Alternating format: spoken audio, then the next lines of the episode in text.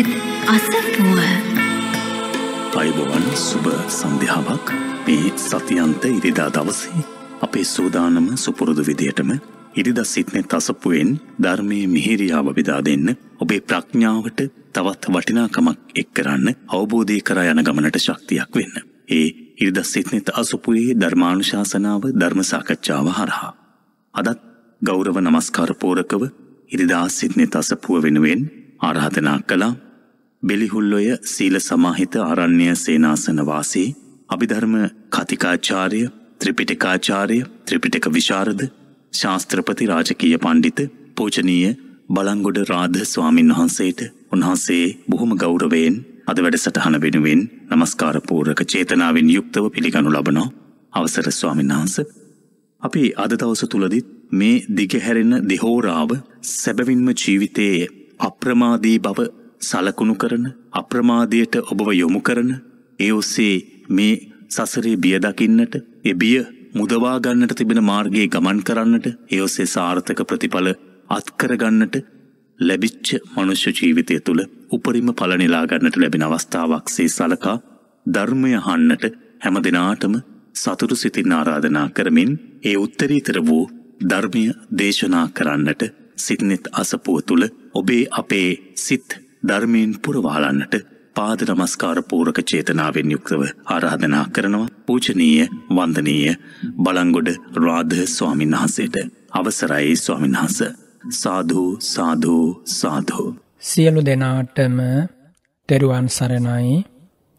අද සිත්නෙත් අසපුවෙන් ඔබට මේ උතුම් ධර්මදානය ලබා දෙන්නේ විදේශගතව ජීවත් වන මිත්‍රානන්ද මහත්මා චම්පා මහත්මිය ඇතුළු දූදරු පිරිස ද අල්විස් පවුලේ සියලු දෙනාම මෙඋතුම් ධර්මදානය සඳහා සම්බන්ධ වෙනවා. අරමුණ හැටියට සඳහන් කරන්නේ මිත්‍රානන්ද මහත්මහ චම්පා මහත්මිය දූදරුවන් සහ ද අල්විස් පවුලේ නමින් මිය පරලවගිය දෙමව්පියන් ඇතුළු සියලු සංසාරගත ඥාතීන්ට පිම්පෙත් අනුමෝදං කරන්න සුජීවත්ව වාසය කන සියලු දෙනාට ධර්මශ්‍රවණය කරන සියලු දෙනාට ලක්වාසී ලෝවාසී සියලු දෙනාට උතුම් ධර්මාවබෝධය පිණිසම මේ උතුම් ධර්මදානය වේවා කියන ප්‍රාර්ථනාවයි ඔවුන් මේ උත්තම ධර්මදානය ලබාදීල බලාපොරොත්තු වෙන්නේ. දැන් අපි සියලු දෙනාම දේවාරාධනාව සිද්ධ කරලා මේ උතුම් ශ්‍රී සද්ධර්මය ශ්‍රවණය කරන්නට සූදානම් වෙමු. සමන්තාචක්කවාලේසු අත්ත්‍රාගත්හන්තු දේවතා සද්ධම්මං මුනිරාජස්ස සුනන්තු සග්ගමොක්හදම් ධම්මස්සවන කාලෝ අයං භදන්තා. ධම්මස්සවන කාලෝ අයං භදන්තා. ධම්මස්සවන කාලෝ අයං භදන්තා. සුවිසුද්ධ සීලේසු සින්ධූපමස්ස. සමාධි ධම්මේසු පටවී සමස්ස අනන්තඥානේසු ගගනූපමස්ස නමාමි සිරසා සිරිගෝතමස්ස පිරිසිදු සිල්කන්ද සමුදුරසේමා නිසල සමාධිය මිහිකතසේමා අනන්තඥානය අහසක් සේමා සිරිපා අභියස පිණිපාවේවා මෝහන්ධකාරේසු සුරියූපමස්ස සංසාරසෝතේසු සේතුපමස්ස දෝසප් පවාහේසු මේ ගූපමස්ස නමාමි සිරසා ධම්මාම තස්ස මොහන්දුර සින්දලන ලාහිරුසේමා සසරදියඹ මැද පහුරක් සේමා. කෙලෙස් කිලුටු හල වැස්සක් සේමා. සදහම්රුවනට පිණිපාවේවා පටිපත්ති සාරේසු සම්මාටිතස්ස. උජුභූත මග්ගේසු යානාගතස්ස කුසලේසු ධම්මේසු කෙත්තුපමස්ස නමාමි සිරසා සුගතෝ රසස්ස පිළිවෙත් සරුවෙයි සුවඳක් සේමා දම්රස දනවයි මිහිරක් සේමා. පින් ගඟ ගලනා නිම්නය සේමා. මහසංගරුවනට පිණිපාවේවා. සාධු සාධු සාධු. නමෝතස්ස භගවතෝ අරහතෝ සම්මා සම්බුද්ධස්ස නමෝතස්ස භගවතෝ අරහතෝ සම්මා සම්බුද්ධස්ස නමෝතස්ස භගවතෝ අරහතෝ සම්මා සම්බුද්ධස්ස අත්හි භික්ඛවේ ධම්මා කායේන පහතම්බානු වාචාය අත්හි භික්ඛවේ ධම්මා වාචාය පහතම්බානු කායේන අත්හි භික්ඛවේ ධම්මා නේව කායේන පහතම්බා නොවාචාය පඤ්ඥාය දිස්වා දිස්වා පහතම්බාති. බුදුරජාණන් වහන්සේගේ නික්ලේසී හද මඩලින් පැනනැගුණ මිහිරි බණපදයක් අසන්නට සිත පහදවාගෙන සිටින අතිපූජනීය ස්වාමින් වහන්ස ශ්‍රද්ධාවන්ත පින්වතුනි පළමුකොට මම ආශිර්වාද කරනවා සිරු දෙනාට. මේ හෝරාවක කාලය පහන් හැඟුමින් සැදහැසිත් උපදවාගෙන උපශාන්ත මොහොතක් ලෙස ගත කරගන්න වාසනාව ලැබේවා කියලා. බුදුරජාණන් වහන්සේ ඔබේ මගේ ලෝකයට රන් හිරු මඩලක් වගේ පායා ඇවිල්ලා. කිසිදා නොදුටු ශාන්ත සැනසීමක් වෙත අපව කැඳවාගෙන යනු ලැබුවා. කල්ප ගණනක මහා වෙරබලයකින් සාක්ෂාත් කරන ලද සම්මා සම්බුද්ධ රාජ්‍යය අනන්ත සක්වලට අනසක පතුරුවා හරිනු ලබන බුදුරජාණන් වහන්සේගේ අසම සම පදවිය ලෝකෙ කාගෙත් ජීවිතවලට එකසේ පිහිටාධාර වුණා මෙලොවට පරලොවට නිවනට. ඔබටත් මටත් ඒ උතුම් ධර්මය ජීවිතයට ගලපා ගැනීම තුළින් කිසිදාක වරදක් නම් වන්නේ නෑ. පාඩුවක් නම් වන්නේ නෑ. ඒ කාන්ත වශයෙන්ම ලැබූ සැනසීම පමණ කළ නොහැකි සැනසීමක් වෙනවා නොඅනුමානයි. ලද්ද විමුක්තිය නොවෙනස් වන විමුක්තියක් වෙනවා නොඅනුමානයි. කුමක්දමා ප්‍රකාශ කළ ලද විමුක්තිය මේ පින්වත් හැම කෙනෙක්ම මිනිස් ලෝකයේ ගත කරන නිමේෂයක් නෙමේ මේ සැබවින්ම තිරිසම්ප්‍රේතාසුරාපාය වලට සාපේක්ෂව විමුක්තියක්මයි. හැබැයි උතුම් ධර්මය අවබෝධ කරන තුරා එය ශාන්ත ප්‍රනීත විමුක්තියක් වන්නේ නෑ. පිංවතුනි ඒ ශාන්ත ප්‍රනීත විමුක්තිය හැම දුක් සිඳ දමා හැම බැඳුම් සිඳ දමා. ලෝතුරා සුවයේ සැනසීම වෙත ඔබ කැඳවාගෙන යන බුදුරජාණන් වහන්සේ මනා උපදෙස් මනා අවවාද ලබා දෙමින් ගිහි පැවිදි සියලු දෙනාටම බොහොම සුවසේ ආරම්භ කරලා. අපපම්මන සැනසීමකින් අවසන් කරන මියවුතුම් ධර්මමාර්ගය දේශනා කොට වදාලා. ආරම්භයේ පටන් විරාගී මහාරහත් භූමියට පත්වන තුරාවටම මේ ප්‍රනීත වැඩ පිළිවෙල පුරුදු කරන කරන මොහොතේ හදවතට දැනෙන්නේ ශාන්තියක්මයි. මෙහි ඇති අප්‍රනීත බවක් නෑ. එපාවෙන ගතියක් නෑ. ධර්මයට හුරු කරගත් හදවත තරම් පොහොසත් හදවතක් ලෝකෙ නෑ.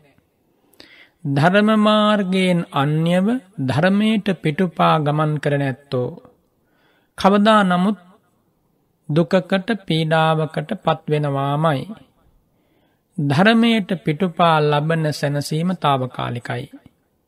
ධර්මානුකූලව ලබන සැනසීම සධාතනිකයි සනාතනිකයි. බුදුරජාණන් වහන්සේ ඔබේ මගේ ජීවිතයට ලබා දුන්නේ අන්න එබඳු සැනසීමක්.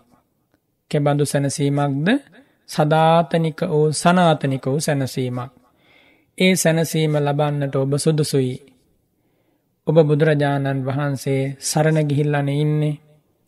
බුදුරජාණන් වහන්සේගේ ධර්මයෙන් සැනහෙන්නන මේ බණපදය අසන්නේ. ඔබට ධර්මය ප්‍රියවෙලා. ඔබට භාග්‍යවතුන් වහන්සේ බොහෝම ප්‍රියයි. ඔබට මහා සංගරත්නය බොහෝම ප්‍රියයි. කොච්චර නම් වටිනා තැනකද ඔබේ හදවත පවතින්නේ. ඔබ මෙහෙම හිතන්න. මෙහෙම හිතුවොත් තමයි තමාගේ ජීවිතය ගැන තමාටම ඇගීමක් ඇතිවන්නේ. ඒ ඇගීම ඉතාම වැදගත් වෙනවා මේ ධර්ම මාර්ග ඉදිරියට යන්න.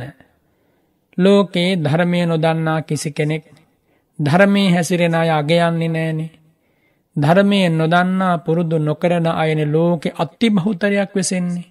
එවන් සමාජයක ධර්මකාමී දහම් රසය හඳුන්න නැත්තෝ අගේ කරන්නේ නෑ. නමුත් ඔබෝබේ ජීවිතය දිහා බලන්න ඔබට මහා පුදුම සතුටක් දැනේවී. කොපම්මන තරම් ඉහලට ආපු කෙනෙක්ද ඔබ මේ සසර ගමනේ. මිනිස් ලෝකෙට ඇවිල්ලා. තතහාගත ධර්මය ඇසෙනවා කල්්‍යාන මිත්‍ර සම්පත්තිය මුණ ගැසිලා. හොඳ නරක කරමය පලය වැටහෙනවා. මේ උතුම් බණපදය පවා ඔබට හොඳට තේරෙනවා. මේ සියල්ලම මේ උතුම් ධර්ම මාර්ගයෙන් ඔබට ලැබිච්ච අමූල්‍ය දායාදයන් එනිසා පින්වතුනී ඔබ හොඳට මෙනෙහි කරන්න ඔබේ ජීවිතය වටිනාකම් පිළිබඳව. එහෙම වුණොත් තමයි පසු තැවීමක් ඇති කරගන්නේ නැතිව. ඊළඟ මොහොතේදී කොහොමද වඩාත් හොඳින් සිතකය වචනය මේ ධර්මයට අනුව හසුරුවාගන්න කියන මේ හැඟීම ඇතිවන්නේ. එනිසා බුදුරජාණන් වහන්සේ වදාලේ දහම් ප්‍රීතිය හා සමප්‍රීතියක් ලෝකෙ කොතනකවත් නෑ කියලා. ඒ දහම් ප්‍රීතිය ලබන්න මේ බණපදය සිලු දෙනාටම වාසනාවන්ත වූ උතුම් වූ හරබර වූ අනුශාසනාවක් වේවා. අත්හිමික්කවේ ධම්මා කායේන පහා තබ්බා නෝවාචාය. බුදුරජාණන් වහන්සේ වදාරෙනවා මහනෙන වාග්ද්වාරය වාග්ද්වාරයෙන් නොව කායක්ද්වාරයෙන් ප්‍රහාණය කළ යුතු ධර්මයෝ තියෙනවා. අත්හෙභික්කවේ ධම්මා වාචාය පහතබ්බා නෝකායේන. මහනෙනි ධර්මස්වභාවයන් තියෙනවා ඒ ධර්මස්වභාවයන් ප්‍රහාණය කළ යුත්තේ වාග්ද්වාරයෙන් කායද්වාරයෙන් නෙමෙයි. අත්හි භික්කවේ ධම්මා නේව කායන පහතම්බානෝ වාචාය. මහනෙන ධර්ම ස්වභාවයන් තියෙනවා එව්වා ප්‍රහාණය කළ යුත්තේ දුරු කළ යුත්තේ කායද්වාරයෙන් හෝ වචීද්වාරයෙන් නෙමෙයි පඤ්ඥාය දිස්වා දිස්වා පහතබ්බා ප්‍රඥාවෙන් දැක දැක ප්‍රහාණය කළ යුතුයි. මෙන්න මේ උතුම් දේශනාවයි අද ඔබ වෙනුවෙන් දේශනා කරනු ලබන්නේ. බුදුරජාණන් වහන්සේ වදාරෙනවා මේ ජීවිතයට දුක උපදවන වේදනාව උපදවන අනාගතයටත් දුගතිය උරුම කල්ල දෙන දේවල් අපේ ජීවිතවල තියෙනවා. ඒ දේවල් ප්‍රහාණය වුණොත් පමණයි ඔබට මට අනාගතයේ බියක් තැතිගැනීමක් ඇති නොවන්නේ. මේ මොහොතේ පවා සැබෑ සැනසිල්ලකින් ජීවත් වෙන්න ලැබෙන්නේ. භාග්‍යවතුන් වහන්සේ වදාරන්නේ කුමක්ද කායිකව ප්‍රහාණය කළ යුතු ධර්මතා තියෙනවා වාචසිකව ප්‍රහාණය කළ යුතු ධර්මතා තියෙනවා ප්‍රඥාවෙන් දැක හඳුනා දැන ප්‍රහාණය කළ යුතු ධර්මතා තියෙනවා. එහෙනම් චතුරාර් සත්‍ය අවබෝධය පිණිස පිළිපන් ශ්‍රාවකයා. ලැබූ මේ උත්තම මිනිසත් භාවයට වඩාත් උසස් අර්ථයක් ලබා දෙන්න බලාපොරොත්තු වන ශ්‍රාවකයා. මේ ජීවිතයෙන් පස්සේ ප්‍රනීත සුගතියකට යන්න බලාපොරොත්තු වන ශ්‍රාවකයා. කළමනාදේ තමයි මේ උතුම් දේශනාවේ බුදුරජාණන් වහන්සේ වදාරන්නේ. යම් යම් ධර්මතා තියෙනවා මේ ජීවිතය ඇසුරු කරගෙන පහළවන ඒ ධර්මතා පිළිබඳව හරිහැටි විචාරයක් නොතිබුණොත් ඒ පුද්ගලයා මහත්ම දුකකට වැටෙනවා. මේ ලෝකෙ බොහෝ දෙනා දුකට කරදරයට වැටෙන්නේම කළමනාදේ නොකළමනාදේ ලංකර ගතයුතු දේ වෙන් කළ යුතු දේ හරි හැටි නොදන්නාකම නිසා. ඒ දේවල්ලේ ඇත්තන්ට අනුකම්පාවෙන් කියාදීම මිනිස් වූ අපගේ වගකීමක් සහ යුතුකම. පින්වතුනි බුදුරජාණන් වහන්සේ මේ උතුම් දේශනාව තුළින් ශ්‍රාවකයන්ම දැනුවත් කරන්නේ ශ්‍රාවකයන්ට දේශනා කරන්නේ ආර්ය අෂ්ඨාංගික මාර්ගයයි. අමරණීය නිවන් මග ආර්ය අෂ්ඨාංගික මාර්ගයෙහි අමරණීය නිවන් මගෙහි ගමන් කරන කෙනා උත්තමාර්ථයට පැමිණුණොත් එයා මගඵල ලබනවා. එතෙන්ට පැමිණෙන්න බැරි වුණොත් එයා සුගතියක යනවා එනිසා මේ දේවල් මෙලොවටත් හොඳයි පරලොවටත් හොඳයි නිවනටත් හොඳයි ධර්මය තුලින් යම් කිසි කෙනෙක් සැනසුනා නම් ඒ සැනසීම වෙනස් වෙන්නේ නැහැ ඒ සැනසීම නැති වෙලා යන්නේ නැහැ ඇයි මම හිම දේශනා කරන්නේ ධර්මය තුළින් ලැබෙන සැනසීම තමයි මග්ග පහල නිවන කළ කියන්නේ. මග පහල නිවන වෙනස් වෙන්නේ නෑ. ඇයි වෙනස් වෙන්නේ නෑ කියන්නේ. යම් සෝවාන් මාර්ගයකින් ප්‍රහාණය කරන ලද කෙලෙස් සමුදායක් වේ නම්. න පුනරේති නැමත කිසි දාක ඒ කෙලෙස් ඔහුට බලපෑමක් පිණිසෙන්නේ නෑ. සකදාගාමි අනාගාමි අරහත් මාර්ගයෙන් ප්‍රහාණය කරන ලද කෙලෙස් යළි කිසිදාක ඔහුට ඔහුගේ හද සන්තානය අසුරු කරගෙන පහළ වන්නේ නෑමයි. එනිසා ඔහුට ඒ ලැබෙන සැනසීම කෙසිදාක වෙනස් වෙන්නේ නෑ. විරාගී විමුක්තිය වෙනස් වෙන්නේ නෑ. ධර්මාවබෝධය වෙනස් වෙන්නේ නෑ. උත්තම නිවනෙන් නිවී සැනසීම වෙනස් වෙන්නේ නෑ. එනිසා ඔබ වෙනස් වෙන දේවල් වලින් නොවෙනස් වන සැනසීමකට කැඳවාගෙන යනු ලබන මේ උදාරතර ධර්මය වඩාත් හොඳින් මොහොතින් මොහොත ජීවිතර ගලපා ගන්න බලන්න.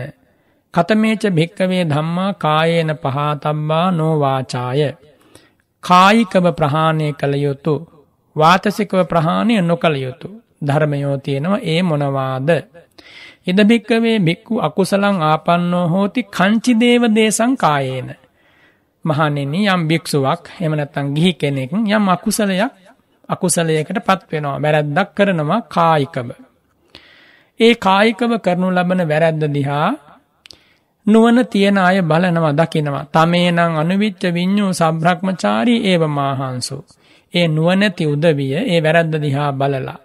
කියනවා ආයස්මාක් හෝ අකුසලං ආපන්නෝ කංජ දේව දේශංකායේන. ඔබ කිසියම් වැරද්දක් කළා නේද කායිකව. ඒ කායිකව කරපු වැරැද්දෙන් ඔබ අතමිදෙන්න සාධූ වතායස්මා කාය දුච්චරිතම් පහාය කාය සුචරිතම් භාවේතු කියලා අනුකම්පාවෙන් අවවාද කරනවා. ඒ වගේ කල්්‍යාන මිත්‍රයොන්ට හැමදාකම සාධු කියලා වන්දනා කරන්න. අපෝ වැරැද්දෙන් මුදවා ගන්නා අය තරම්.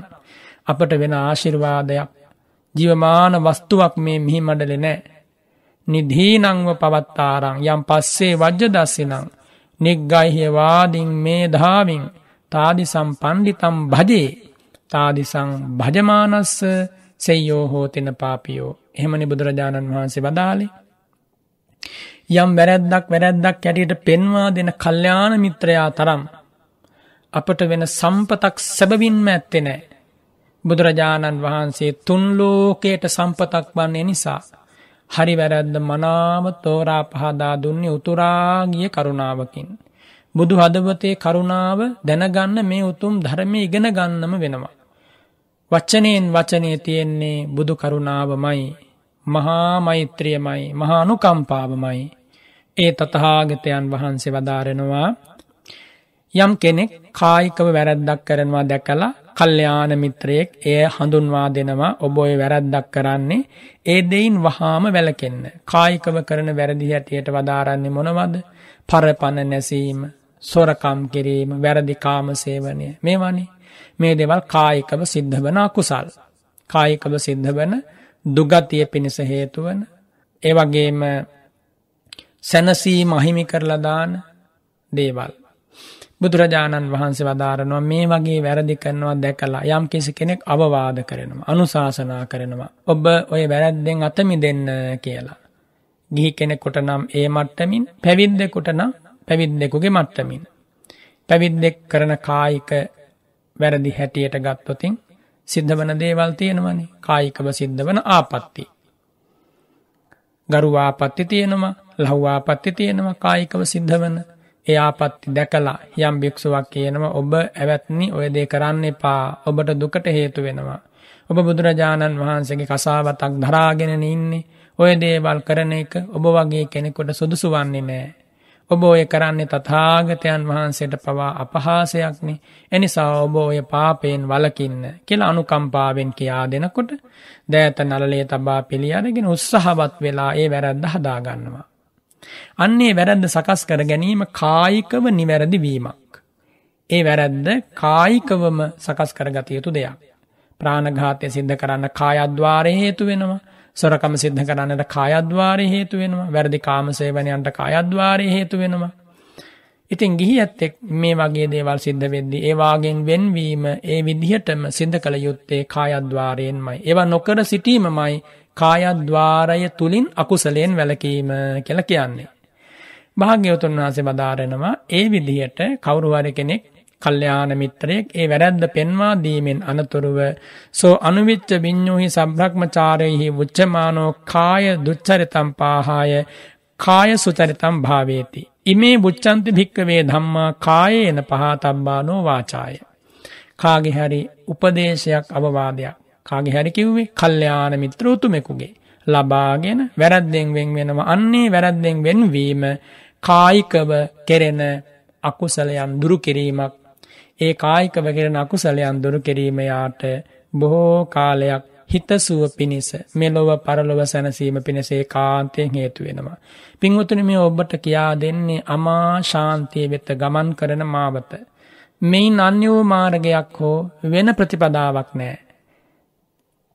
ඒකංහි මක්ගංන දුතිය මත්දෙහි වෙන මාර්ගයක් නෑ. එනිසා බුදුරජාණන් වහන්සේ වදාළ මේ මාර්ගයේ මිදිරයට යන්න ඔබ මේ මොහොතින් මොහොත සැදී පැහැදී සූදානම් වෙන්න. ඊළඟට වදාරෙනව භාග්‍යවතුන් වහන්සේ කතමේච භික්කවේ ධම්මා වාචාය පහා තබ්බා නෝකායේන. වචනයෙන් ප්‍රහාණය කළ යුතු අකුසල් දහම් තියෙනවා එව කයින් ප්‍රහාණය කළ යුතු ඒවා නෙමෙයි. මොනවාද ඉඩභික්කවේ භික්කු අකුසලං ආපන්නෝ හෝති කංචදේව දේ සංවාචාය. මහනනියම් භික්ෂුවක් වෙන්න පුළුවන් ගිහි කෙනෙක් වෙන්න පුළුවන් වචනයෙන් සිද්ධ වන වැරැද්දක් එයා කරනවා. මොනවද වචනයෙන් සිද්ධ වන වැරදි ඔබ දන්නවනේ බොරු කියන එක කේලාම් කියන එක පරුස වචන කියන එක හිස් වචන කතා කරන එක වාචසික අකුසල් හතරක්නේ මේ වාචසික අකුසල ධර්මයන් සිද්ධ කරනවා දැකලා බොරු කියනවා දැකලා ඔබට කියනවා කවුරු හරි කල්යාණ මිත්‍රයෙක් ඔබ බොරු කියන්න එපා ඔබ මුසා ප්‍රකාශ කරනවා ඒක ඔබ වගේ කෙනෙකුට ගැලපෙන්නේ නෑ ධර්මාවබෝධය පිණිස කටයුතු කරන කෙනෙක් මුසාවෙන් වෙන් විය යුතුමයි මුසාව නම් වූ අකුසලය සිද්ධ වෙනවන යම් කෙනෙකුගේ ජීවිතේ එයාට කරන්න බැරි පාපයක් නෑ කියලයි බුදුරජාණන් වහන්සේ වදාලේ. ඒකං ධම්මං අතීතස්ස මුසාවාදිස්ස ජන්තුනෝ. විතින්න පරලෝකස්ස නත්තිහි පාපං අකාරියන්. එනිසා සත්‍යාවබෝධය පිණිස පිළිපදින ශ්‍රාවකයා බොරුවෙන් වෙන්විය යුතුයි කේලමින් වෙන්වී යුතුයි පරුස වචනයෙන් වෙන්වී යුතුයි හිස් වචනයෙන් වෙන්වී යුතුයි. යමෙක් මෙබඳු වැරදි සිද්ධ කරනවා දැකලා කල්්‍යාන මිත්‍රයෙක් කරුණාවෙන් කියලා දුන්නොත්. ස්වාමින් වහන්සේ කෙනෙකුට නම් වැඩිහිටි ස්වාමින් වහන්සේ කෙනෙක් කරුණාවෙන් කියලා දෙනවා. ඔබ මේ මේ ඇරදි කරනවා ඔය දේවල් වහාම හදාගත්තේ නැතොත්. ඔබට මහා අනතුරක් ඉදිරියේදි තියෙනවා. අනුකම්පාවෙන්නේ කියලා දෙන්නේ ආදරයෙන්නේ කියලා දෙන්නේ කියලා දෙනකොට පිළිගන්න සූදානම් වෙන්න ඕන. මේ වගේ අවවාද මේ ලෝකේ බුද්ධ ශාසනයකින් ලැබෙනවා මිසක් වෙන කිසිම තැනකින් ලැබෙන්නේ නෑනේ. ලෝකෙ බොහෝ ඉගැන්වීම් ප්‍රාණඝාතයට රිජු බොහෝ වක්‍රාකාරයෙන් අනුබල දෙනවා. සොරකමට වැරදි කාම සේවනයන්ට මේ කියපෝ වාචසික අකුසල්වලට රිජුවම හෝ වක්‍රාකාරයෙන් අනුබල දෙනවනේ. එව ප්‍රසිද්ධ කාරණානේ එවන් ලෝකයක තථාගත ධර්මය කියන්නේ දූවිලි ඇවිස්සිච්ච බිමකට මල් වැස්සක් වගේ. ලෝකය මිත්‍යා දෘෂ්ටියෙන් වෙලී ගිහිල්ලා දූවිලි ඇවිස්සිච්ච බිමක් වගේ හරි හැටි පේන්නේ නෑ මොනවද මේ භූමියේ තියෙන වස්තුූන් කියලා. බුදුරජාණන් වහන්සේගේ ශ්‍රී සද්ධරමය නම් වූ මල් වරුසාාව වැටෙනකොට ඒ දූබිලි ඔක්කොම සංසින්දෙනවා. සමනය වෙනවා. හාත් පස පේන්න ගන්නවා. මල් වඩුසාාවක් සදිසිව ඇදහැලුන තතාගත ධර්ම ධාරාවෙන් ඔබේ හදවත සුවපත් කරගන්න. මේවා හෙද්දි ඔබ ඔබේ ජීවිතයට ආදරය කරන්න. ඔබේ ජීවිතයට ඔබ ආදරය කරන්නේ නැත්නම් ලෝකෙ කිසි කෙනෙකුට ඔබ ආදරයක් මෛත්‍රයක් දක්වනවා කියන එක පිළිගන්න බෑ. අත්තානංචේ පියන් ජඥා නනම් පාපේන සංයුදේ. තමන්ට තමන් ආදරෙයි නම් පළමුකොට ඔබ මේ කායික වාතසික අකුසලයන්ගෙන් අතමි දෙන්න. මේ දේවල් ඔබට නැවත නැවත ප්‍රකාශ කරනු ලබන්නේ වෙන කිසිවක් නිසා නෙමෙයි. සසර මහා දුකක බිහිසුණු විපාකය අනන්ත කාලයක් විඳලා විඳලා තෙහෙට්ටුවෙන් මහා පිපාසයෙන් දුර මරු කතරක ඇවිදගෙන ඇවිල්ලා යාන්තන් තුරු සෙවනකට ආව වගේ මේ මිනිස් ජීවිතය. හැබැයි අවසන් වනේ නෑ බුදුරජාණන් වහන්සගේ ධර්මය දැන් ලැබෙනවා. මේ දහමෙන් ඔබේ හදවත සම්පහන්සනය කරගෙන මේ වැරදිවලින් අන්සු මාත්‍රයක්වත් තබාගානි නැතුව ප්‍රහාණය කරන්න පුළුවන්නම් මේ ජීවිතේ ඒ පැවිදි ජීවිතය අහෝ මොන තරන්නම් ශාන්තද සුන්දරද. ඒ ගිහි ජීවිතය මොන්න තරන්නම් වටිනවද. එබන් මනුස්ස ජීවිතයක් ලෝකේ පරම පූජනීයයි. එනිසා මේ දේවල් ඔබේ සැනසීම වෙනුවෙන් ඔබ පෙර කළ පිනකට ඔබේ කම් දෙකින් ඇහෙන්නේ. එනිසා මේ බණපදය ඔබ වෙනුවෙන්මයි බුදුරජාණන් වහන්සේ වදාලේ. භාග්‍යවතුන් වහන්සේ වදාරෙනවා මේ උත්තම දේශනාව තුළ වාචසිකව සිද්ධවන්නා වූ වැරදි දෙස බලලා යම් කල්්‍යාන මිත්‍රයෙක් අපට තෝරා පහදා දෙනවා ඔය දේවල් කරන්න එපා කියලා. පින්වතුනි අතිපූජනීය ස්වාමින් වහන්ස අපට සිටින පරම කල්්‍යාන මිත්‍රයා භාග්‍යවතුන් වහන්සේනි. ඒ භාග්‍යවතුන් වහන්සේ මේ දේවල් දේශනා කරානේ අකුරක්වත් අඩු නොවනාකාරයෙන් එනිසා අපි හැමෝ මේ භාග්‍යවතුන් වහන්සේට අපම්මන සෙනෙහසක් ආදරයක් දක්වන්නට ඕන. භාග්‍යවතුන් වහන්සේගේ උදාර උතුම් ගුණමිහිර සිහි නොවෙන යම් මොහොතක් වේ නම් ජීවිතය ඒක අවාසනාවන්ත මොහොතක් ලෙස සලකන්න. බුදුරජාණන් වහන්සේ ගැන සිහිවෙන සෑම නිමේශයක්ම අත්තිශයින් වාසනාවන්ත මංගල මුහෘතයක් ලෙස සලකන්න. ඔබ ඉදිරියට ගමන් කරන්නකොට ඔබ මවා බලන්න ඉදිරියෙන් බුදුරජාණන් වහන්සේ සක්මන් කරන හැටි. ඔබ වටපිට බලනකොට බලන්නේ භාග්‍යවතුන් වහන්සේ ගහක් යටට වෙලා බද්ධ පරයංකයක් බැඳගෙන රැස් විහි දෙන ශරීරයෙන් නිහන්ඩ සාන්ත සමාධියෙන් වැඩ සිටින හැටි. ඔබ බලන්නේ භාග්‍යවතුන් වහන්සේ දන් වලඳනාකාරය. ඔබ බලන්න භාග්‍යවතුන් වහන්සේ ශ්‍රී සද්ධර්මය දේශනා කරන ආකාරය. ඔබ බලන්නේ බුදුරජාණන් වහන්සේ ගම් නියම් ගම් දනව් සැරිසරා උපශාන්ත මහාරහත් උතුමු පිරිවරාගෙන වඩින හැටි. නින්දාවෙන් ප්‍රසංසාවෙන් අමුතු සෙලවීමක් නෑ. සැපයේදී දුකේදී අමුතු වෙනස්වීමක් නෑ. ලාභයේදී අලාභයේදී අමුතු කම්පනයක් නෑ. හැමදාකම එකම උපශාන්ත විලාශයකින් අකම්පිත තේජසකින් වැඩහිටි ශාස්තෘන් වහන්සේ බුදුරජාණන් වහන්සේ. එහෙම හිතද්දී ඔබට ඔබේ ජීවිතය નિરાයාසයෙන්ම මහ පුදුමාකාර සාන්ත ඉසව්වක් වෙත අරන් යන්න පුළුවන්. පින්වතුනි බුදු ගුණය තරම් ලය පහන් කරන වෙන එකම දෙයක්වත් ලෝකේ නැහැ. මහරහතන් වහන්සේ ලෝතුරා බුදුරජාණන් වහන්සේගේ ගුණය ඉහලින්ම අවබෝධ කරගන්නවා. අනාගාමි උතුමන් වහන්සේ, සකදාගාමි උතුමන් වහන්සේ, සෝතාපන්න උතුමන් වහන්සේලාට බුදුගුණ ඉහලින්ම වැටහෙනවා. එනිසා ඒ බුදුරජාණන් වහන්සේගේ අනන්ත ගුණය ඔබත් ඔබේ ජීවිතයම් පමණකින් හෝ අවබෝධ කර ගැනීම පිණිස වෙහෙසෙන්න උත්සහවත් වෙන්න. බුදුගුණ හඳුනන හදවත පොහෝසත් හදවතක්. බුදුගුණ දන්නෝ ලොව සදාකල්හි සැනසෙන්නෝමයි. පිංහතුනි බුදුරජාණන් වහන්සේ වදාළ මේ උතුම් දහමෙන් ජීවිතය සුවපත් කරගන්න තව දින කීයද තියෙන්නේ. නොබෝ කලකෙන් ඔය ජීවිතය අහිම වෙලා ගිහිල්ලා. දහම නෑහෙන තැනක උපන්නොත් කාගි අනුශාසනාවක් අනුවද සිතකය වචනය හික්මවන්න බලාපොරොත්තු වෙන්නේ. කවුද ඔබට එදාට අකුරෙන් අකුර පදයෙන් පදේ මහ කරුණාවෙන් තෝරල දෙන්නේ. එදාට ඔබට පුළුවන් වේද ධර්මදානයන් ලබා දෙන්න. එදාට ඔබට පුළුවන් වේද මේ විදියට මේ ඇහෙන බණපදය ශ්‍රවණය කරන්න. ඔබම හිතන්න. බුදුරජාණන් වහන්සේ කියල දුන්න හිතන විදිහ දේශනා කළා ඊට අනුව ඔබ හිතල ඔබේ ජීවිතය සකස් කරගන්න. හොඳට බලන්න ගත කලා වගේ නෙමෙයි ඉතාමත්ම සීමිත කාලය තව ගත කරන්න තියෙන මනුස්ස ලෝකේ.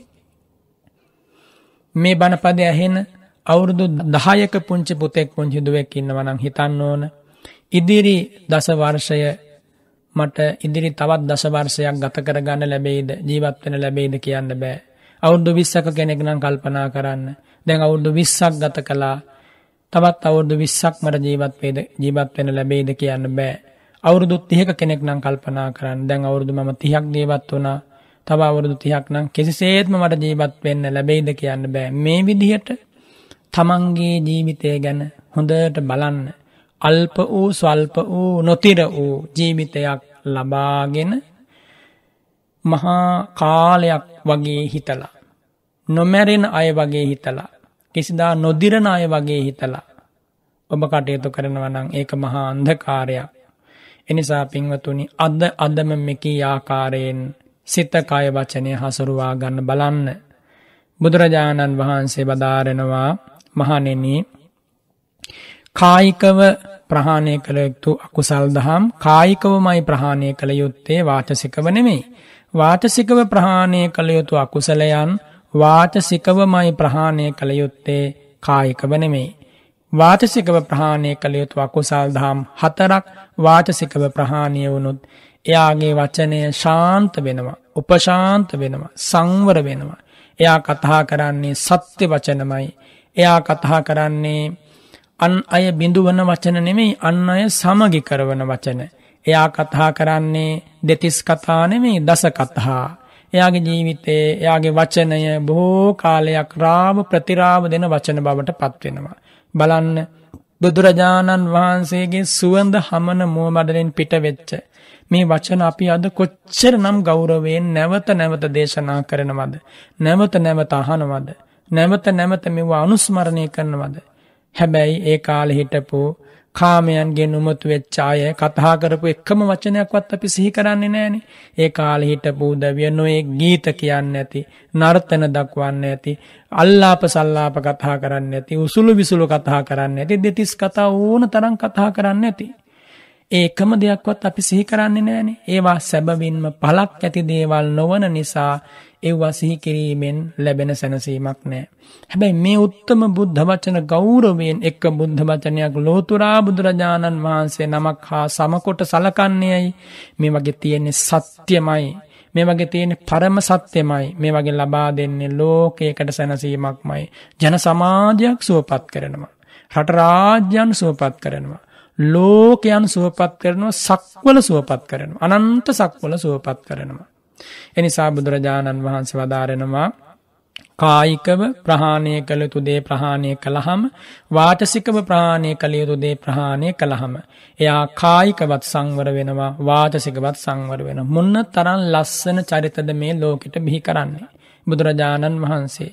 සුපිපි සුවඳ මල්ගොමුවක් සේම. රමණීය වූ ආහලාද ජනක පාරිසුද්ධ චරිතයන් මේ ලෝකයට මේ මිහි මඩලට දායාද කරන්නේ භාග්‍යවත් අරහත් බුදුරජාණන් වහන්සේ කතමේච භික්කවේ ධම්මා නේව කායේන පහතබ්බා නෝවාචාය. පඤ්ඥාය දිස්වා දිස්වා පහතබ්බා. මහනෙනි කයිනුත් වචනයනුත් ප්‍රහාණය නොකළ යුතු එහෙත් ප්‍රඥාවෙන් දැක දැක හඳුනා දැන ප්‍රහාණය කළොතු අකුසල් දහම් තියෙනවා. ඒ මොනවාද.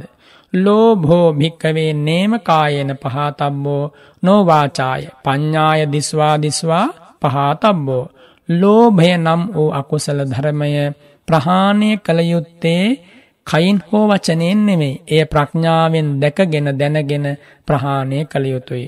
ලෝභය නම් වූ ස්වභාවය හටගන්නවා සිතේ ලෝභමූල අකුසල් දහම් හැටියට.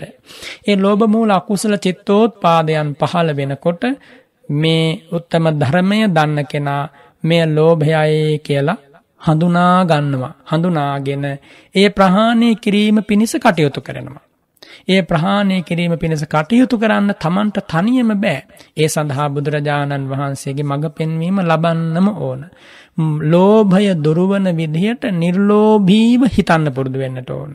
ලෝභය ප්‍රහාණය වන ආකාරයෙන් සිත හුරු කරන්නට ඕන. ලෝභයට ප්‍රතිවිරුද්ධ නිර්ලෝභී ධර්ම ශක්තියක් ගොඩනගන්නට ඕන. ඒ උදෙසා බුදුරජාණන් වහන්සේ දානය සීලය නෙක්හම්මය අනු දැනවදාරෙනවා. ඒ අනුව පුහුණු වෙනකොට ලෝභය ටිකෙන් ටික ටිකෙන් ටික ප්‍රහාණය වෙන්න පටන් ගන්නවා. බුදුරජාණන් වහන්සේ වදාරෙනවා ඒ විදිහට ලෝභය ඇතිවන ආකාරය ලෝභය දුරුවන ආකාරය දැකගෙන දැනගෙන හඳුනා දුරුකිරීම පිණිස කටයුතු කරනවා නම් අන්නේ කටයුතු කිරීම සිද්ධ වන්නේ මානුෂිකවයි.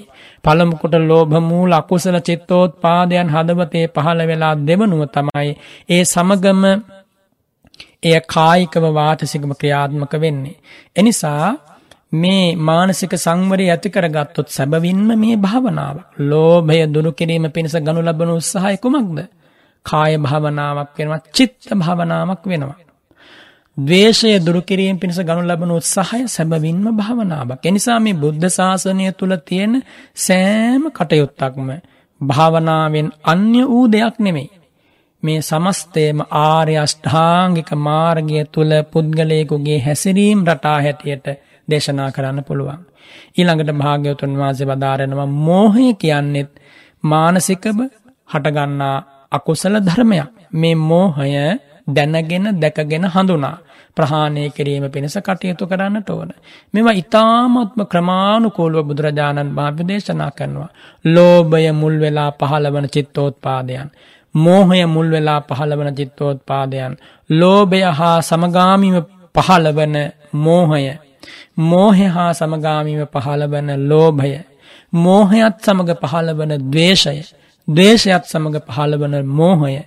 මේ මෝහයෙන් ලෝභයට දවේශයට ලබා දෙනු ලබන අනුබලය මේ විදිහට මේ අකුසල් දහම් අතර පුදුම අන්තර් සම්බන්ධයක් තියෙනවා.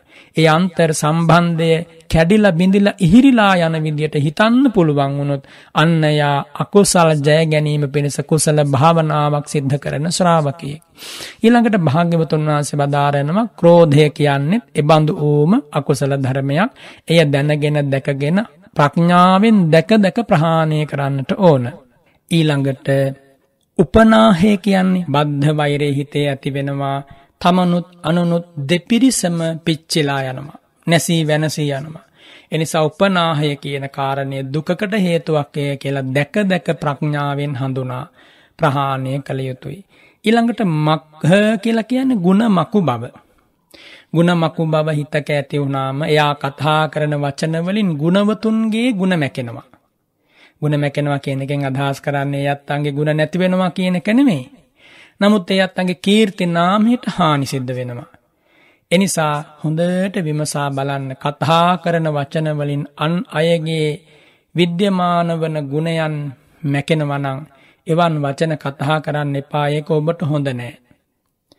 ඒ වගේම ඔබ කතා කරන වචන වලින් තව කෙනෙකුගේ හිත රිදෙනවා නම් ඒක කරන සුඛ නැත්නම් හෘදයාංගම නැත්නම් ප්‍රේමණීය නැත්නම් ඒ වචනේ ග්‍රාම්‍ය ස්වභාවයක් උසුලනවා නම් හීන ස්වභාවයකින් යුක්ත නම් එබඳු වචන කතා කරනවත් තියා හිතන්නවත් එපා.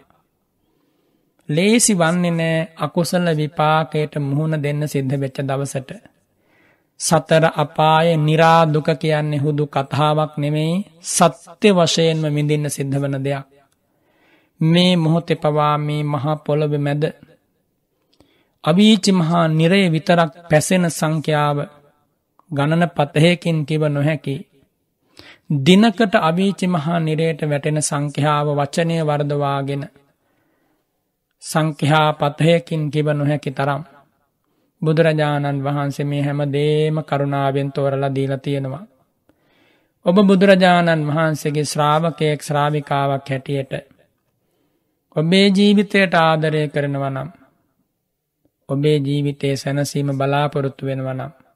මෙම හොඳට පිළිපදින්න. ආදරයෙන් පිළිගන්න. සිතේ තබාගන්න. ඇසුරු කරන අයට කියල දෙන්න. දහම් සුවන්ද ලෝකෙට බෙදා දෙන්න. ඔබ යහපත් ලෙස ජීවත් වෙලා පෙන්නන්න. ලෝකය ඔබ ආදර්ශයක් කර ගනීවී. ඔබ නිසා බොහෝ දෙනෙක් නිවැරදිවේවී. ඔබෙහි නියමුවා වෙන්න බුදුරජාණන් වහන්සේගේ ධරමයෙන් ලැබුවා භාෂය ඇති සත්පුරුසයෙක් වෙන්න ලෝකයට.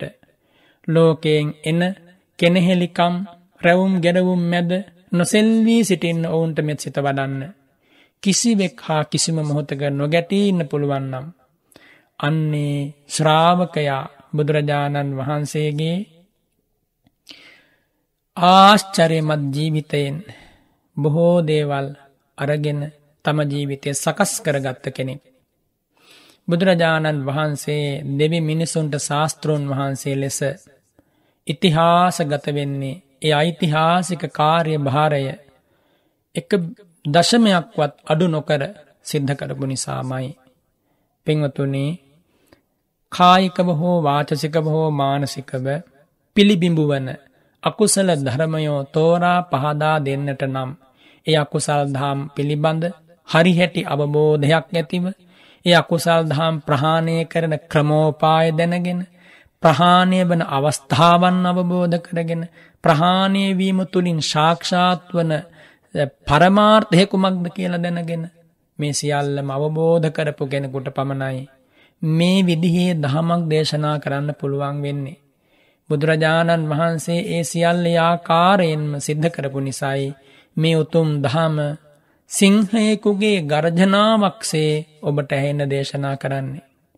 ඉතින් භාග්‍යවතුන් වහන්සේ වදාරෙනවා ලෝභය මෝහය ක්‍රෝධය උපනාහය මක්හ අනුන්ගේ ගුණමැකීම පලාස කියන්න එකට එක කිරීම. එකට එක කිරීම නම් වූ අකුසල ධර්මයත් හටගන්නකොට දවේශමූල සිත්වල පහළ වෙනකොට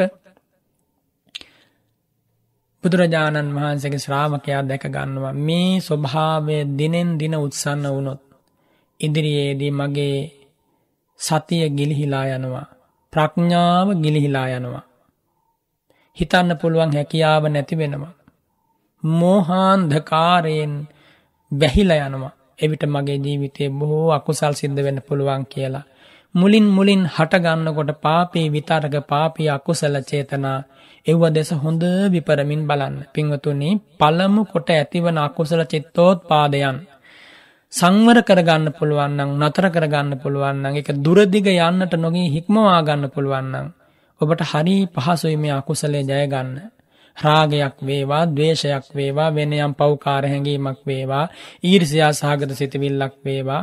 මුලින් මුලින් දැනෙන්න හටගන්නකොට ඒ මොහොතේම උත්සහමත් වනු නැති කල්ල දාන්න. ඒකට ආවඩන් නැතුව ඉන්න. එය වැඩෙන විදියට නොහිතා ඉන්න පුළුවන්නම් හරි පහසුයි අකුසලේ ජයගන්න වැඩෙන්න දීල බලාගෙන ඉන්න එපා. ඔබේ ශරීර අභ්‍යන්තරයෙන් කුමක් හෝ රෝගයක් තියෙනවා කියලා දැනගත්තොත් ඔබේ ශරීරය ඇතුළතින් කුමක් හෝ රෝග කාරකයක් පැතිර යනවා කියලා දැනගත්තොත් ඔබ මොන තරම් කල්බල වෙනවද.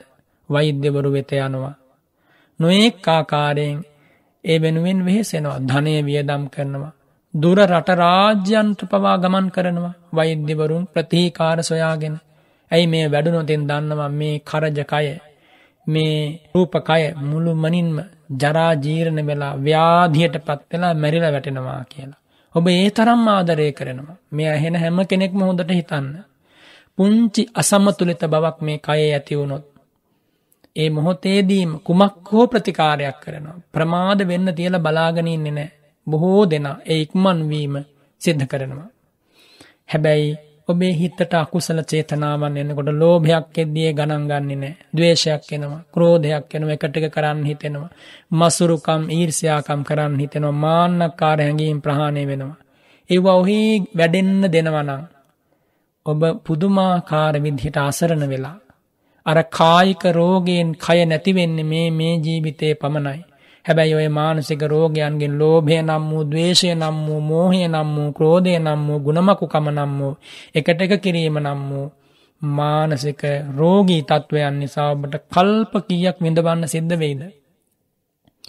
එනිසයි බුදුරජාණන් වහන්සේගේ ශ්‍රාවකයෝ මේ කායික සුව පහසුවට වැඩි තැනක් දුන්නේ නැති ඉතිහාසයේ. ආරම්භක යුගයේ බුදුරජාණන් වහන්සේගේ සිරිපා තබ තබා ගම්නියම් ගම්වලට දම් දෙසමින් වැඩපු කාලෙ සසුන්ගත වෙච්ච ස්වාමීන් වහන්සේලා කොට්ටය වෙනුවෙන් පාවිච්චි කරේ රවුමට සකස් කරගන්නාලද ලී කොටයක්. ඒ ලී කොටේ තමයි ඔළුවට තියලා පොඩි වෙලාවක් සැතපුුණේ. ඒ කාලේ ඉතා ඉක්මනින් මාර්ගඵලලාබින් වැඩි වැඩි වශයෙන් බිහිවුණ බුද්ධ ශාසනයට. පස්සෙ කාලේ මේ ලී කොට්ටය නැතම් මේ ලී කොටේ වෙනුවට පුළුම් කොට්ටේ ආදේශ වුණා පුළුම් කොට්ටයක් පාවිච්චි කිරීම අකැප බවක් නෑ බුද්ධ ශාසනය හිස තබන්න. නමුත් ලී කොට්ටය පාවිච්චි කිරීම අතහැරදාලා පුළුම් කොට්ටයට පැමිණීම මාර්ග පලලාබිහින් විශාල වශයෙන් අඩුවෙන්න හේතුවක් වුණා. ඔබ හෙනම් මේ කාරණයෙන් හිතාගන්න ඔබේ ජීවිතේ යම් ගුණධර්ම නොවැඩීමක් තියෙනවන. ඒකට හේතුමනවද කියලා. ලී කොට්ටේ අතහැරල පුළුම් කොට්ටේ මග පල ලාබීන්ගේ පහළවීම අඩු කරන්නේ වේගේ අඩු කරන්න හේතුවනා නම්. අද වගේ කාලයක මේ තියෙන දේවල්වලට මුසපත් වෙලා කටයුතු කිරීම තුළ මොන්න තරං අගාදයකට මිනිස් සන්තානය ඇද වැටෙනවද.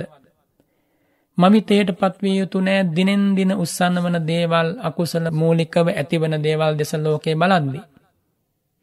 එනිසා මෙව හොඳට තේරුම් ගන්න බුදුරජාණන් වහන්සේගේ ධර්මයෙන් හැර රාග ගින්න නිවන්න වෙන්න සිසිලසක් ලෝකෙනෑ. ක්‍රෝධාග්නිය නිවන්නට වෙන සිසිලසක් ලෝකෙනෑ. මෝහාග්නිය නිවන්නට වෙන සිසිලසක් ලෝකෙනෑ. බුදුරජාණන් වහන්සේ වදාරෙනවා මච්චරියම් භික්කවෙන්න කායන පහතම්බා නෝවාචාය පඤ්ඥාය දිස්වා දිස්වා පහතම්බං. මසුරුකම කියන ස්වභාවය තමන්ගේ දේවතාව කෙනෙකුට දකින්නවත් දෙන්න කැමතිනෑ. එහෙම අය ලෝකෙ ඉන්නවා බොහෝසයින්. ඒ මසුරුකම කියන එකත් හොඳට දැකගන්න දැනගන්න මෙය දුකටමයි හේතු වෙන්නේ රැස් කරගෙන තබාගන්න හැදුවට අරංයන්න බෑ. එනිසා දානය තුළින් මසුරුකම දිනන්නට ඕන එහෙම හිතල දානි පුරුදු කරන කෙනා මසුරුකමින් සිත මුදවා ගන්නවා. බුදුරජාණන් වහන්සේ වදාරනවා පාපිකා භික්කවේ ඉස්සා නේම කායන පහතබ්බා පාපී අකුසලයක් නම් වූ ඊර්ෂයාව කායිකව හෝ වාචසිකව ප්‍රහාණය කළ යුතු තත්ත්වයක් නෙමේ පඤ්ඥාය දිස්වා දිස්වා පහතම්බා. ප්‍රඥාවෙන් දැක දැක ප්‍රහාණය කරන්නට ඕන. මෙතනදි තේරුම් ගතයුතු විශේෂ කාරණයක් තියෙනවා. ඊර්ෂයාව වේවා මසුරුකම වේවා ලෝබදේශමෝහ මක්හ පලාස වේවා මේ අකුසල් චේතනා සිතෙහි පහළ වනාට පස්සේ මේවා දිගට දිගට වැඩෙන්න්න දුන්නොතින් ඉන් අනතුරුව එයා කතා කරන වචන ක්‍රෝධ සහගතයි ද්වේෂ සහගතයි. ඊර්ෂයා සහගතයි. මසුරුකමින් යුක්තයි. ඒ විදිහට කායික වාචසික ක්‍රියාවන් දෙවන තුන්වන අධියරයේදී පහළ වෙලා ඒ අකුසල සිතිවිල්ල නිසා බොහෝ කාලයක් විඳවන්නට හේතුවන අකුසල කර්මයන් රැස් කර ගන්නවා. එනිසා මෙවා හොඳට තේරුම්ගෙන ජීවිතය තුළින්ම අවබෝධ කරගන්න බලන්න. තමන්ගේ ඊර්ෂයාව තමන්ගේ මසුරකමයි තමන්ට දුකක් වෙන්නේ. අන් අය ඔබට ඊර්ෂයා කලා කියලා. අන්න අය ඔබට මසුරුකම් කලා කියල එයින් ඔබට වන හානියක් නෑ. අනෙකකුගු හිතේ තියෙන ලෝභයෙන් හෝ ක්‍රෝධයෙන් හෝ ඔබට වන හානියක් නෑ ඔබේ සිතේ පහළ වන ලෝභය ක්‍රෝධය මසුරුකම ගුණමකුකම අකුසලේ තම ඔබට දුකක් වෙන්නේ. කතමාච භික්කවී පාපිකා ඉස්සාමි පාපී ඊර්ෂයාව පාපී වූ ඊර්ෂාව කුමක්ද කෙළ බුදුරජාණන් වහන්සේ වදාරනවා. මෙව්වා මේ ජන සමාජයේ ඕන තරම් ප්‍රකට වෙන දේවල්නේ.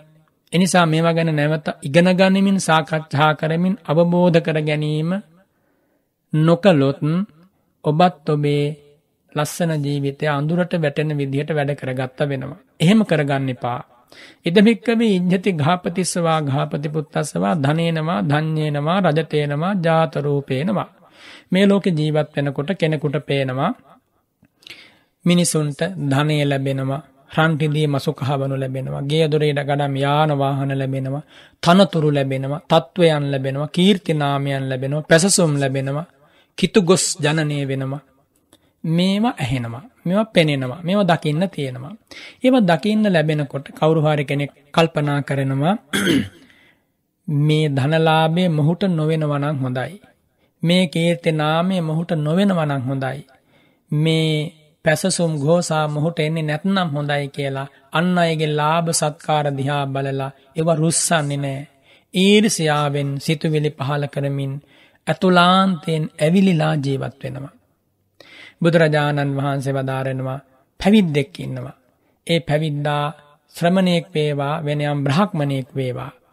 ඒ පැවිද්දට පේනවා තව ශ්‍රමණයන්ට බ්‍රහක්මණයන්ට ලාභ සත්කාර කීර්ති ප්‍රසංසා ලැබෙනවා සිව්පසේ ලැබෙනවා ඉහලින් ඉහලින් ලැබෙනවා. ඔහුගේ හිතේ සිතිවිල්ලක් පහළ වෙනවා. මේ ඇත්තන්ට මේ ලාභ සත්කාර නොලැබෙනවා නම් හොඳයි කියලා අන්න එකට කියනවා. පාපී වූ ඊර්ෂ්‍යාව කියලා මේ හිත ඇතුලේ පහළ වෙන. ඒ ලාමක අකුසලයක්. එනිසා ඒට වැඩෙන්න දෙන්න එපා. බුදුරජාණන් වහන්සේ වදාරන්නේ පඤ්ඤාය දිස්වා දිස්වා පහතබ්බ ප්‍රඥාවෙන් දැක දැක දැක දැක ප්‍රහාණය කරන්න කියලා. මෙව්වත් තව කෙනෙකුට ප්‍රහාණය කරවන්න බෑ හොඳට මතක තබාගන්න. බුදුරජාණන් වහන්සේ කරුණාවෙන් මඟ පෙන්නවා. ප්‍රඥාවෙන් මඟ පෙන්නවා. ඔබේ ජීවිතයට ගලපගෙන ඔබම උත්සහවත් වෙන්න සැබවින්ම එක්ක ලෝභමූල සිතිවිල්ලක් ජයගත්ත කියන්නේ ඔබ මහා ජයග්‍රාහකෙක්. මේක පාපී අකුසල විතර්කයක් ජයගත්ත කියන්නේ කල්පගානක දුකක් අවසන් කලා එක ක්‍රෝධමූල සිතිවිල්ලක් ජයගත්ත කියන කල්ප ගානක නිරේ වැඩලා විඳින දෙන දුකක් නැති කලා කියන එක මතක තබාගන්න.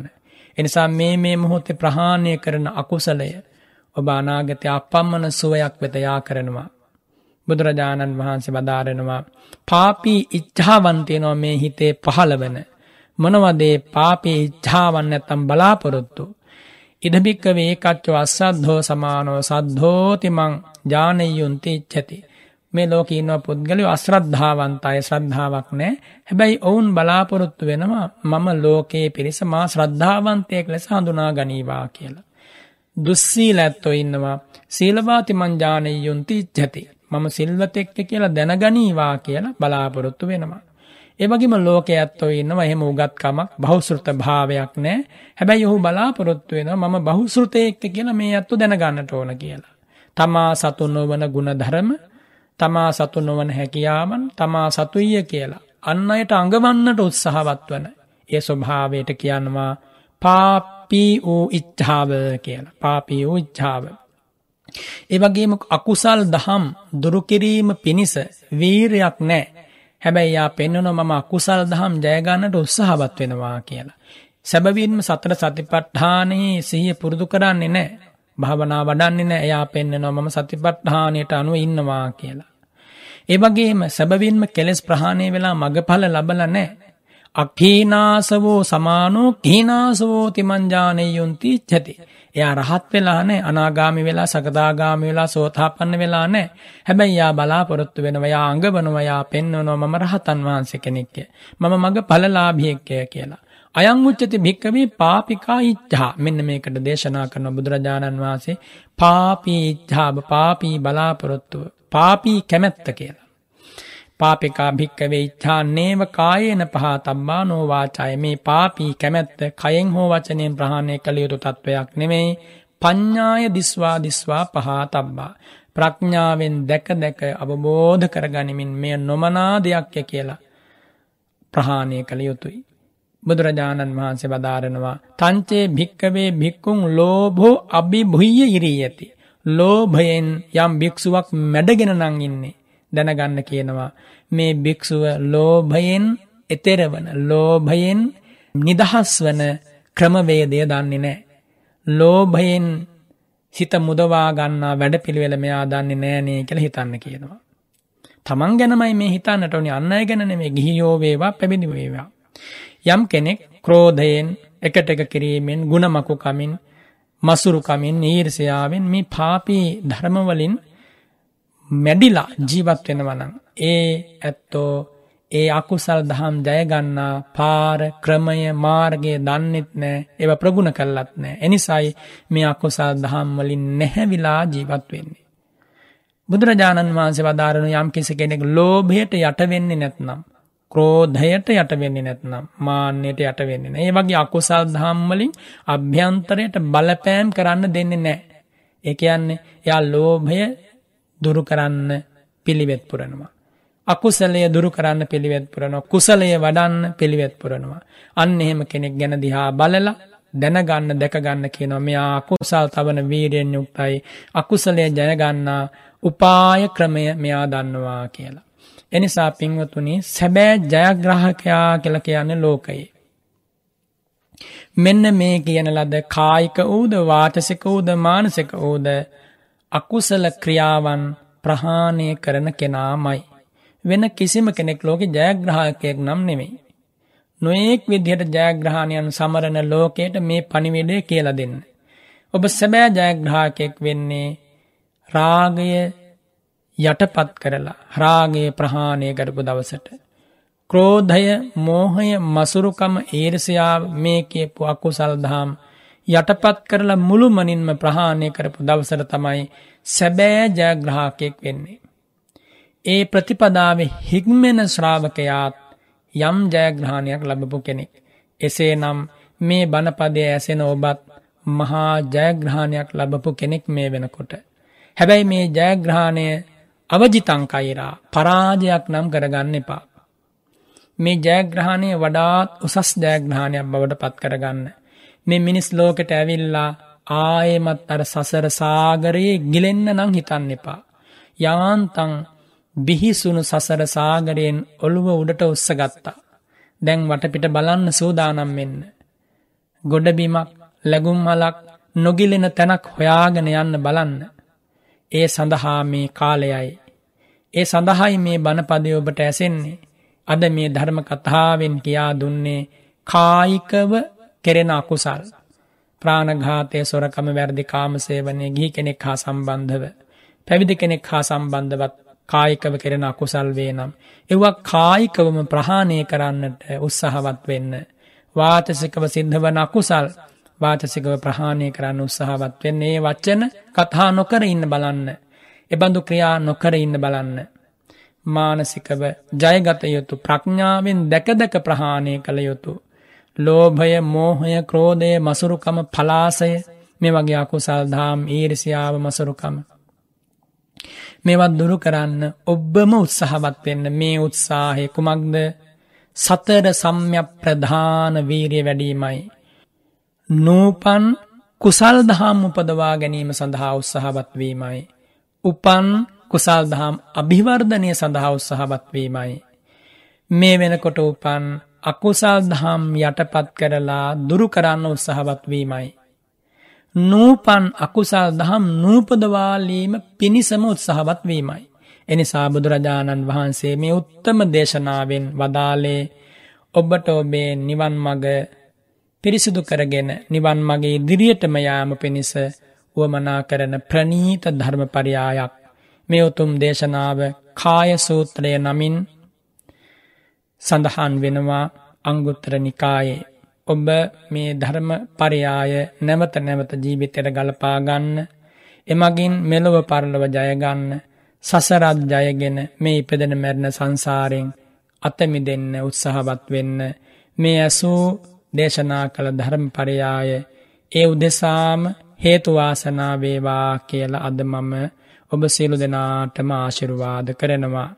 සිත්නෙත් අසපුවෙන් මෙකී මිහිරි බණපදය ඔබේ සවන් වෙත යා කරන්නට බර පැන දරන්නේ ද අල්විස් පවුලේ සියලු දෙනා විදේශගතව ජීවත් වන මිත්‍රානන්ද මහත්මා චම්පා මහත්මිය එම දූදරුවන් ඇතුළු. ඒ අත්තන්ගේ අරමුණ තමයි මිත්‍රානන්ද මහත්මා චම්පා මහත්මිය දූදරුවන් සහ ද අල්විස් පවුලේ සියලු දෙනාගේ නමින් මිය පරලව ගිය දෙමව්පියන් ඇතුළු සංසාරගත ඥාතීන්ට පින් අනුමෝදන් කරන්න සුජීවත්ව වෙසෙන සියලු දෙනාට ආශිර්වාද කරන්න ඒ වගේම ධර්මශ්‍රවණය කර ලක්වැසි ලෝවැසි හැම කෙනෙකුටම උතුම් චතුරාර්ය සත්‍ය අවබෝධ වේවා කියන ප්‍රාර්ථනාව මේ උත්තම ධර්මදානයේ එකේ සියලු බලාපොරොත්තු ඉෂ්ට කර දෙන බව ඒකාන්ත සත්‍යයක්. ඔබ සතුටු වෙන්න අපි අද ලෝකයකට මේ උතුම් ධර්මදානය ලබා දුන්නා කියලා. ධර්ම දේශනා කිරීමෙන් ශ්‍රවණය කිරීමෙන් අප සියලු දෙනා ජනිත කරගත් මේ පින්පෙත් අප සියලු දෙනාගේ නමින් මිය පරලව ගිය සියලු ඥාතීහු දැක බලා අනුමෝදම් වෙත්වා. සක්දෙව් රජතුමා සතරවරම් දෙව්රාජවරු ඇතුළු සියලු දෙවියෝ අනුමෝදම් වෙත්වා කියලා පින් අනුමෝදන් කරමු. ඉදං වූ ඥාති නං හෝතු සුඛිතා හොන්තු ඥාතයෝ ආකාසට්ඨා ච භුම්මට්ඨා දේවානාගා මහිද්దికා පුඤ්ඤන්තං අනුමෝදිත්වා චිරං රක්ඛන්තු සම්බුද්ධ ශාසනං චිරං රක්ඛන්තු සම්බුද්ධ දේශනං චිරං රක්ඛන්තු සම්බුද්ධ ශාවකං චිරං රක්ඛන්තු ත්වං සදාති ධර්ම ශ්‍රවණානි සංස බලයෙන් හැම්ම සිතකටම සහනයක් වේවා। බණපදය ඇසූ ඔබ හැම දෙනාම සුවපත් වේවා। මේ උතුම් ධර්මදානය ලබාදුන් සියල්ලෝ සුවපත් වෙත්වා। දෙවියන් සහිත ලෝකයට ශාන්ත සැනසීමෙන් නිවෙන මොහොත දක්වාම මේ උතුම් ධර්ම මාර්ගයේ නිරුපද්‍රිතව ගමන් කරගන්න මේ උත්තම ධර්මය ශාන්තියක් ආශිර්වාදයක් මඟ පෙන්වීමක්ම වේවා කියල මම ආශිර්වාද කරනවා. අභිවාදන සීලිස්ස නිච්චං වද්ධා පචායිනෝ චත්තාරෝ ධම්මා වණ්ඩන්ති ආයුවන්නෝ සුඛං බලං ආයු ආරෝග්‍ය සම්පත්ති සග්ග සම්පත්ති මේවච අත්හෝ නිබ්බාන සම්පත්ති ඉමිනාතේ සමිද්ධතු ඔබව මහිතන්නේ වහ වහා හිසගිනිගත්තෙක් ඒ ගිනි නිවන්නට උත්සාහ දරනවාසේ මේ ගොහොරු සමාජයේ මේ ඉන්න පීඩාවිඳින දුක්කිත සසරේ එතෙර කරන්නට පාතා දුන්නු මාර්ගයක් ඒ මාර්ගයේ නියලනට ඔබ යොමු කරපු දේශනාවක් බව අපි සතුටු සිතින් සිහිපත් කරන්නට ඕන. ඒ දේශනාව ශ්‍රවණය කර අපි ඊළඟට ධර්ම සාකච්ඡාවට යොමු වෙන්නේ. ධර්ම සාකච්ඡාව තුලත් යහපත් වූ ධර්මය ශ්‍රවණය කරන්නට සිත් පහදා රැඳෙන්නට ඔබට ආරාධනා කරනවා. පූජනීය වන්දනීය බලංගොඩ රාද ස්වාමින් වහන්සේ නිදුක් වේවා නීරෝගී වේවා දීර්ඝායුෂ අපේ හාමුදුරන් වහන්සේට ලැබේවා මේ කරන සියලු කුසල ක්‍රියාවන් වහන්සේට ධර්මාවබෝධය පිණිසම පාරමිතා වේවායි කියලා ප්‍රාර්ථනා කරමින් අපි කෙටි විරාමයක් සඳහා යමු වෙනවා.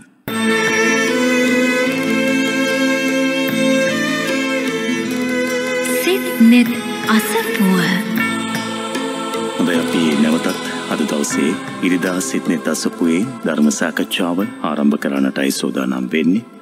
අදත් ඉරිදා සිත්නෙත් අසපුව තුළ අපේ අපේ ජීවිතයට බලපාන අකුසලයන් පිළිබඳව හඳුනාගන්නට යෙදනු දේශනාවක් ශ්‍රවණය කළේ ලෝබය අපිට කොතරම් බලපාල තිබෙනවාද? අපි කොච්චර අපේ ජීවිත තුළ ඉරිෂියාවාදී මේ තත්ත්වයන් එක්ක අපේ ජීවිත අගාධයට ගෙනන නැතං අපේ ජීවිත වෙනස් මාර්ගයකට හරවාගෙන තිබෙනවාද කියලා අපි වැඩි වශයෙන් අද වැඩසටහන තුළ ධර්මදේශනාව තුළ කාරණා දැන කියා ගත්ත. අපි ධර්මසාකච්ඡාව තුළ තවත් මේ ආකුසල කර්මයන් පිළිබඳව අපට කොයි ආකාරයෙන් බලපානවාද කියන කාරණය පිළිබඳව තවත් විග්‍රහාත්මකව දැනගන්නට බලාපොරොත්තු වෙනවා. ඒ අපේක්ෂාවෙන් ධර්මසාකච්ඡාව ආරම්භ කරන මොහොත නැවත වාරයක් බොහොම ගෞරවයෙන් নমස්කාර පූර්වකව පිළිගනු ලබනවා ඉරිදා සිටින තසපුව ධර්ම සාකච්ඡාව වෙනුවෙන් බෙලිහුල්ලොය සීල සමාහිත ආරණ්‍ය සේනාසන වාසී අභිධර්ම කතිකාචාර්ය ත්‍රිපිටකාචාර්ය ත්‍රිපිටක විශාරද ශාස්ත්‍රපති රාජකීය පණ්ඩිත පූජනීය බලංගොඩ රාධ ස්වාමීන් වහන්සේව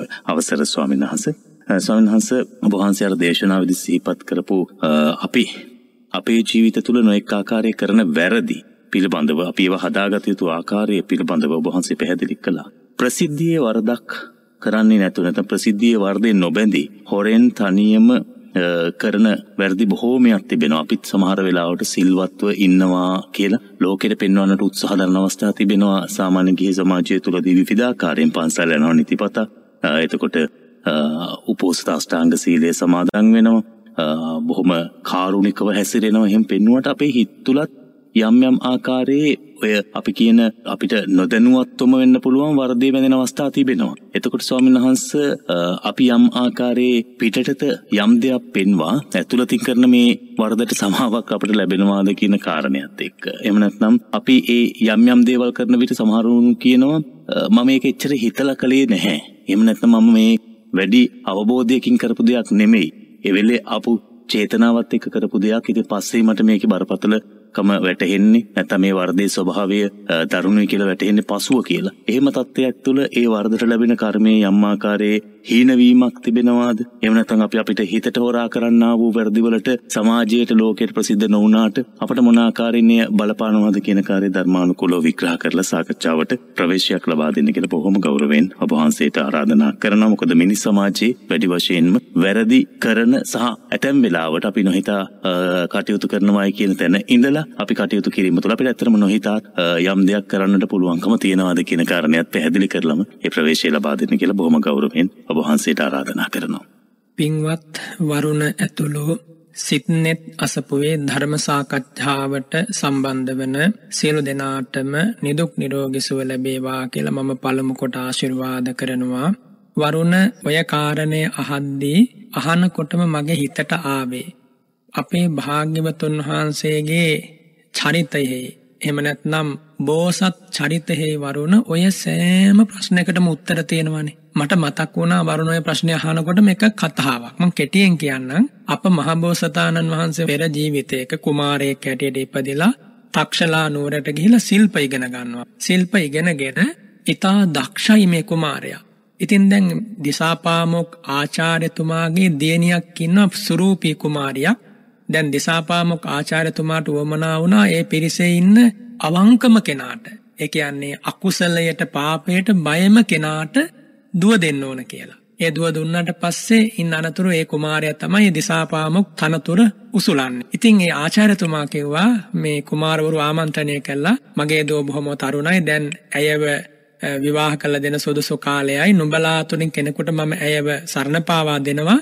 හැබැයි නුඹලා ඇයට තෑගි භෝග ගේන්න ඕන කිව්වා. ගෙවල් වලට ගිහිල්ලා ඒ ගේන තෑගි භෝග කවුරුවත් දැනගන්න බෑ කිව්වා. අම්මා දැනගන්නත් බෑ තාත්තා දැනගන්නත් බෑ ඥාතින් දැනගන්නත් බෑ කිසිවෙකුටත් හසු නොවන විදිහට තෑගි භෝග ගහලා දෙන්න කිව්වා. ඉතින් දැන් මේ කුමාරවරු ගිහිල්ලා අම්මගේ තියෙනවා අම්මගේ රත්තරන් බඩු සමහර අය හොරෙන් ගත්තා තාත්තගේ තියෙන මුදල් හොරෙන් ගත්තා ඒ ආදි වශයෙන් හැබැයි දැනගන්න නැති වෙන තමයි ගත්තේ වරුණ ඊට පස්සේ අප මහබෝසතාණන් වහන්සේ නිවසට ගිහිල්ලා කිසි දෙයක් නැතුව හිස් අතින් ආවා. දැන් අනිත් කුමාරවරු ඔක්කොම ගෙනල්ලා එක එක තෑගි බෝගාර කුමාරිකාවට දෙනවා. කුමාරිකාව ඉදිරියෙන් තබනවා. සමහරු රත්තරම් බඩෝ සමහරු කැවිලි පෙවිලි එක එක જાතිය දේවල්. ඉතින් දැන් මේ ඔක්කොම තෙව්වට පස්සේ කුමාරයා අප මහබෝසත් කුමාරයා හිස් අතින් ඉන්නකොට අහන ආචාර්යතුමා ඇයි ඔබ පමණක් හිස් අතින්? මේ දෝ කුමාරිකාවට ඔබ කැමති නැද්ද?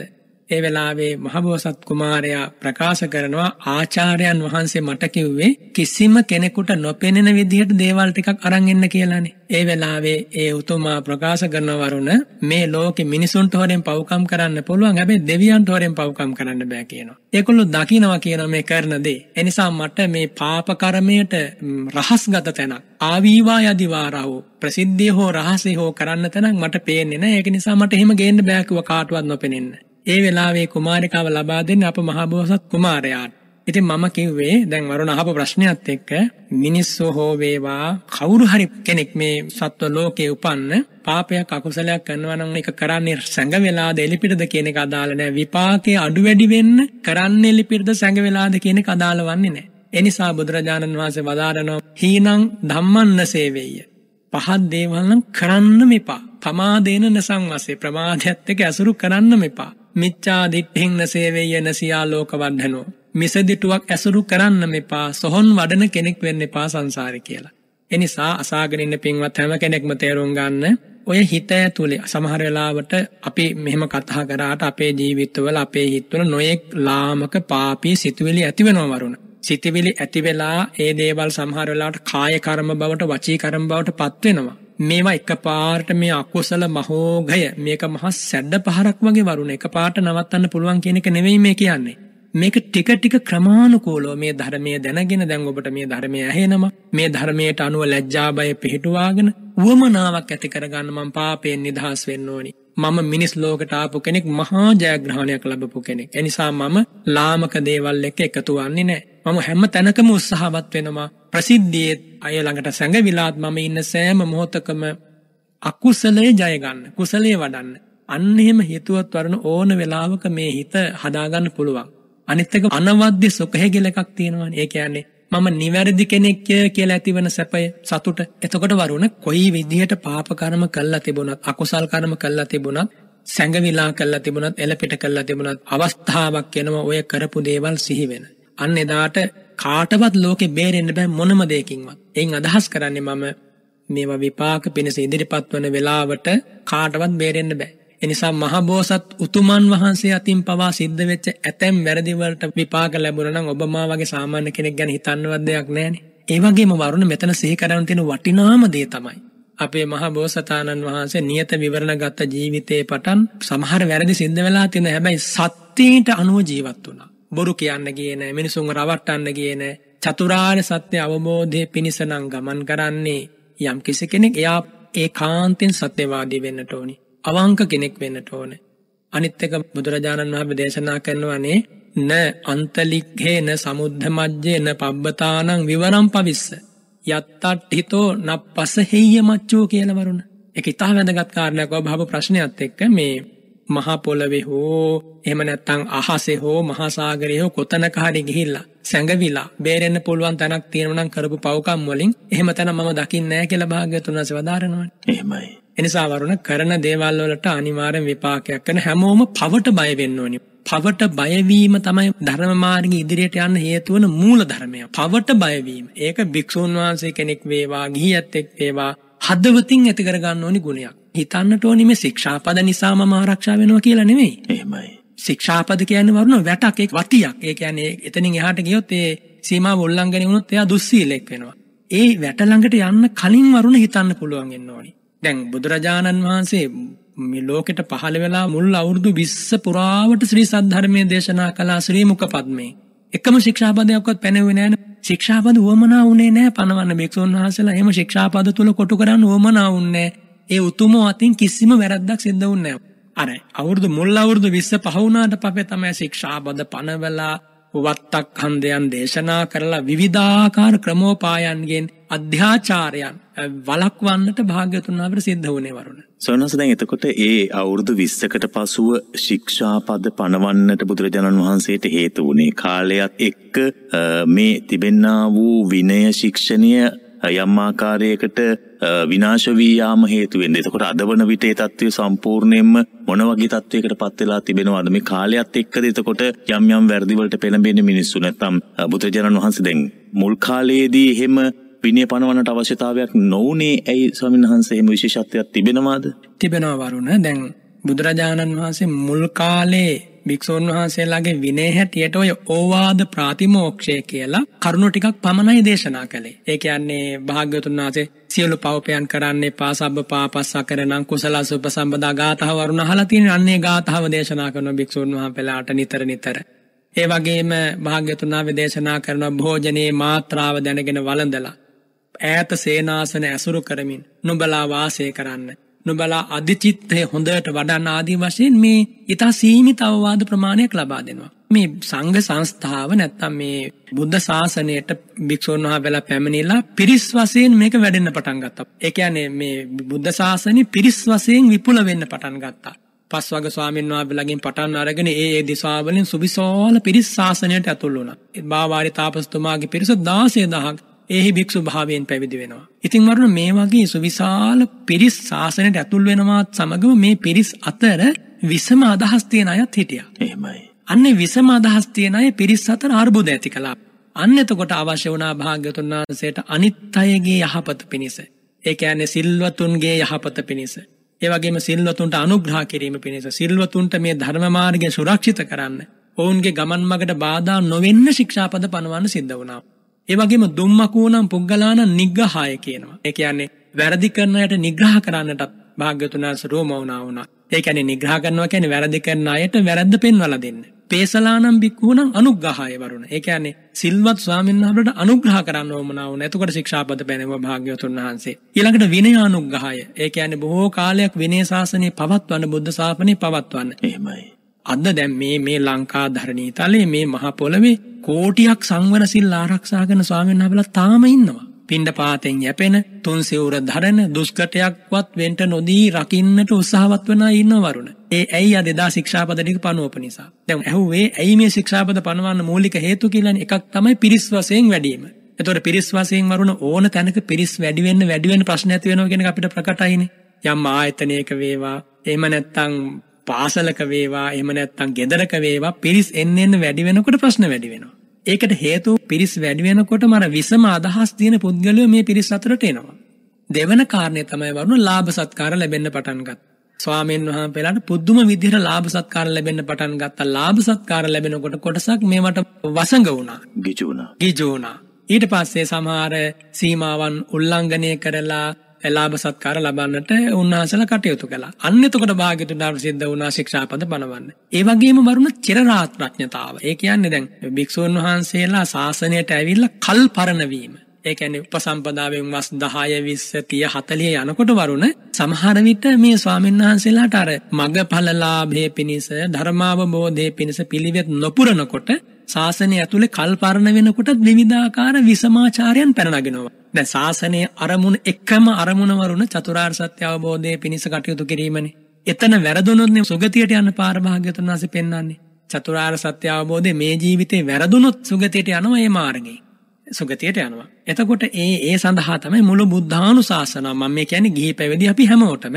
එතකොට ඒ විදිහට පනවපු ශාසනයට ආපු කෙනෙක් ඒ අරමුණින් පිට කටයුතු කරනකොට වරුණ ප්‍රශ්න ඇති වෙනවා. දැන් මේ ශාසනික එහෙම තමයි ප්‍රශ්න ඇති වුනේ. එහෙමයි. ඇත්තටම බුද්ධ ශාසනය කියන්නේ වරුණ සුනීල පොකුණක්. පිවිතුරු පොකුණක්. ඒ පොකුණ කලඹන්න බෑ කැළඹුවාට බොර වෙන්න ඒකේ මඩ නෑ. හැබැයි එන අය ඉන්නවනේ. ඒ අයගේ කැළඹිච්ච මානසිකත්වයන් නිසා මේ ශාසනය ඒගොල්ලන්ට රෝහණය වෙන්නේ නෑ. ඒකයි මෙතන වෙන්නේ.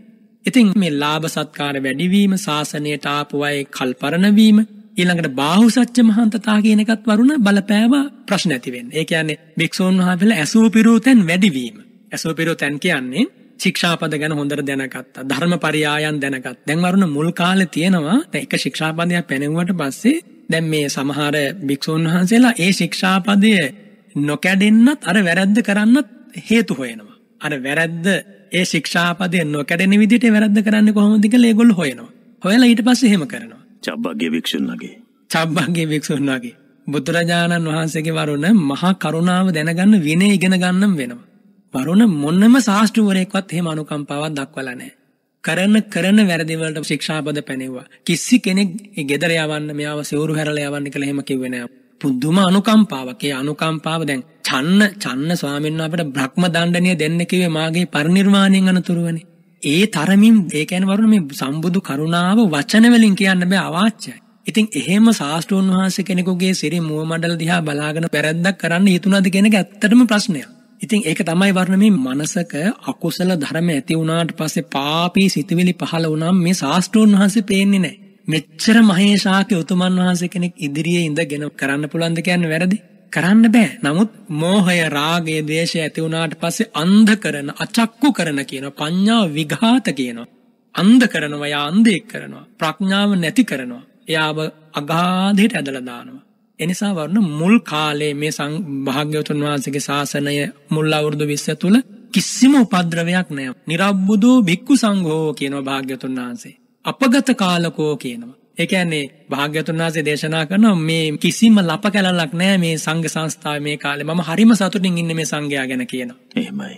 ඔන්න වරුණ කාලයත් එක්ක අර ප්‍රශ්නත් එක්ක ඔන්න ශික්ෂාපද පනවන සිද්ධ වුණා. දැන් අද වෙනකොට වරුණ තියෙන తত্ত্বය දවසක් දෙකකින් ඇතිවෙච්ච මේ පරිවර්තනයක් නෙමේ කාලයක් තිස්සේ. පුදුමය කියන්නේ මේ වැහෙත් ඔය ඇත්තෝ සාධකාර දෙන්න ඕනි එදා ඉඳම් මහා කාශ්‍යප මහරහතන් වහන්සේ පළමු ධර්ම සංගායනාව සම්බකාමි මහරහතන් වහන්සේ දෙවන ධර්ම සංගායනාව. මොග්ගලී පුත්තිස්ස ස්වාමීන් වහන්සේ තුන්වන ධර්ම සංගායනාව. මිහිඳු මහරහතන් වහන්සේ අපේ රටේ තුපාරාමයේ ළඟ සිද්ධ කරපු ධර්ම සංගායනාව. ආදී වශයෙන් මේ හැම දෙයකින්ම වරුණ තේරවාදය සුරක්ෂිත කළානේ. සුරක්ෂිත කරලා විනය වරුණ එක්කම ශික්ෂාපදයක්වත් වෙනස් වෙන්න නොදී. දැම් මේ අද කවරවාරි ගිහි ගෙදරින් අයින් වෙලා ඇවිල්ලා සසුන් ගතුණුත් එයාට කරන්න පැහැදිලි වැඩපිළිවෙලක් තියෙනවා. කිසිම තැනක් අඩු වෙලා නැහැ. අද පවා සිල්වත් ගුණවත් භික්ෂූන් වහන්සේලා උපාසක උපාසිකාවෝ දහස් ගණනින් ලක්ෂ ගණනින් දායාද කරන පිවිතුරු ධර්මයක් අපිට ඉතුරු වෙලා තියෙනවා. ඒ කියන්නේ ස්වාමීන් වහන්සේ මේ ධර්මයට එන කෙනෙකුට විනය පිටක නැත්නම් සාමාන්‍ය ගිහියන් වන අපට අපේ ගුණධර්මයන් එහෙම නැතිනම් අපේ විනය මේවා හරි අවශ්‍යම දේවල් බවට පත් වෙලා තිබෙන ඒ තුල තමයි එහෙමනම් ධර්මාවබෝධයට නිසි මාර්ගය සැකසෙන්නේ. අනිවාර්යම වරුණ. විනය විනයෙන් තොරව සීලයෙන් තොරව ලැබෙන සමාධියක් නැහැ. සමාධියෙන් තොරව ලැබෙන ප්‍රඥාවක් නැහැ. සීලං සමාධත්තාය සමාධිය ප්‍රඥා පිණිස සීලේ සමාධිය සමාධිය ප්‍රඥා පිණිස. ඔය ත්‍රිත්වය වරුණ එකකට එකක් සම්බන්ධයි. ඒ කියන්නේ සීලය සමාධියට හේතු වෙන සමාධිය සීලයට හේතු වෙනවා. සීලය ප්‍රඥාවට හේතු වෙන ප්‍රඥාව සීලයට හේතු වෙනවා. එක ශ්‍රද්ධා සිතිවිල්ලක් උපදිනවා නම් යමෙකුගේ හදවතේ ඒ ශ්‍රද්ධා සිතිවිල්ල මගඵල නිවන පිණිස ඒකාන්තයෙන් හේතු වෙනවා. එනිසා විනය කියනක ඇති කරගන්නට ඕනි හෘදයාංගම මම නම් කියන්නේ අපි අපි ගිහි පැවිදි අපි හැමෝම අපි හිතමුකෝ දැන් ස්වාමීන් වහන්සේ කෙනෙක් කුටියක් ඇතුළට වෙලා දොරවල් වහගත්තට පස්සේ ස්වාමීන් වහන්සේ බොහොම නිදහසේ කුටිය ඇතුළට වෙලා ඉන්නවා. අන්න එතනදි වරුණ එකම අකුසල් පිටිවිල්ලක්වත් එන්න දෙන්නේ නැතුව හිත පවත්වන්න පුළුවන්. එතකොට කොහොමත් කාය කර්ම සංවරයි වචී කර්ම සංවරයි. එතකොට බ්‍රහ්මයෙක් ඉන්නවා වගේ. යතහා ඒකෝ තතහා බ්‍රහ්මා. අහලා තියෙනවනේ තනියෙන් ඉන්නවා කියන්නේ බ්‍රහ්මයෙක් එක බ්‍රහ්මයෙකුගේ වාසයක් වරුණ එක. මේ අපි ඇත්තටම ආවීවා යදිවා රහෝ ප්‍රසිද්ධිය හෝ වේවා සංගවිලා හෝ වේවා කුසල් කරන්න නැතුව හිත හදාගන්න ආත්ම සංගමය ඇති කරගන්න දමනය ඇති කරගන්න අපි දක්ෂ වෙන්නට ඕන. ඒක කරන්න පුළුවන් දෙයක් අපි අපේ අපිට උමනාව ඇති කරගත්තොත් මම පාපයෙන් වෙන් වෙනවා කුසලයෙන් වෙන් වෙනවා කියලා ඕන කෙනෙකුට ඒක කරන්න පුළුවන්. එතකොට ඇතිවන අභිමානය සතුට ප්‍රීතිය සොම්නස වරුණ ඇත්තටම දෑසට කඳුළු වෙනවා හුදකලාව ඉඳගෙන මම මෙහෙම ජීවිතයක් ගත කරන කෙනෙක්. මට මෙහෙම සතුටක් තියෙනවා. මම අද මැරුණත් මගඵල ලැබුවේ නැත්තම් මම යන්නේ සුගතියමයි. බුදුරජාණන් වහන්සේගේ ශ්‍රාවකයන්ට සුගතියට යනවා කියන එක අභියෝගයක් වෙන්න බෑ. මේ සුගතියට යනවා කියන එක වර්ණනා කරන්නෙත් නෑ. සවනස සුගතිය ගැන ඔබ වහන්සේ සිහිපත් කරන නිසා මට ඔබ වහන්සේගෙන් දැනගන්න. දැන් සමහරු අරමුණු කරන්නේ සුගතිය. මට ඔබ වහන්සේගෙන් දැනගන්න ඕන. අපි ඇත්තටම සුගතියද අරමුණු කළ යුත්තේ නිවනද?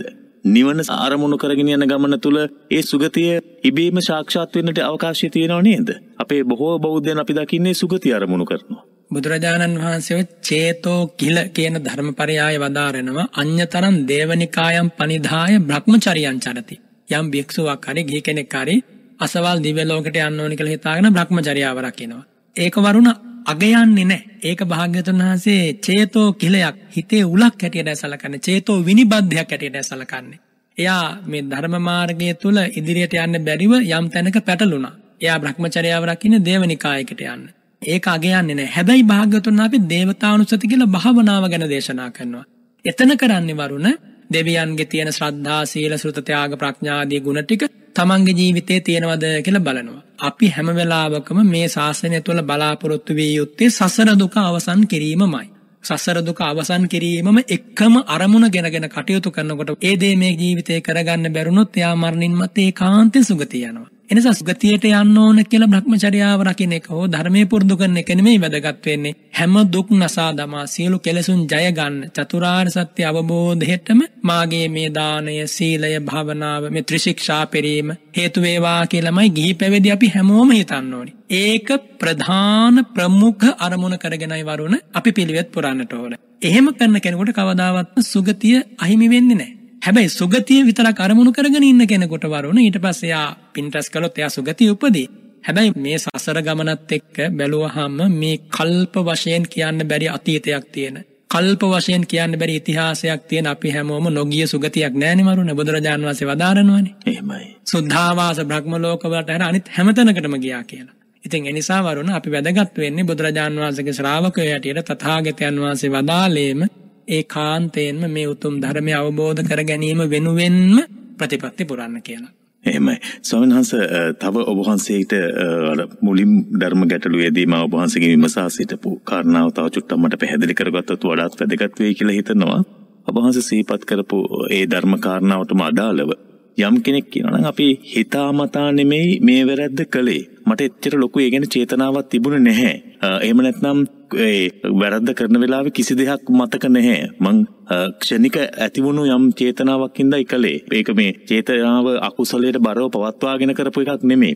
මෙහෙම කියන අවස්ථා තිබෙනවනේ සොයනස් එතකොට අපිට චේතනාවකින් තොරව යම් වැරදක් කරන්න හැකියාවක් තිබෙනවා.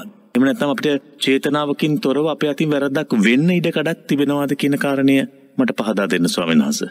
පින්වත් වරුණ චේතනා පහළවීමකින් තොරව කිසිම වැරද්දක් වැරද්දක් නෙ මොනම කර්මයක්වත් සිද්ධ කරන්න බෑ. චේතනාව කියන චෛතසික ස්වභාවය අවියෝජනීයයි.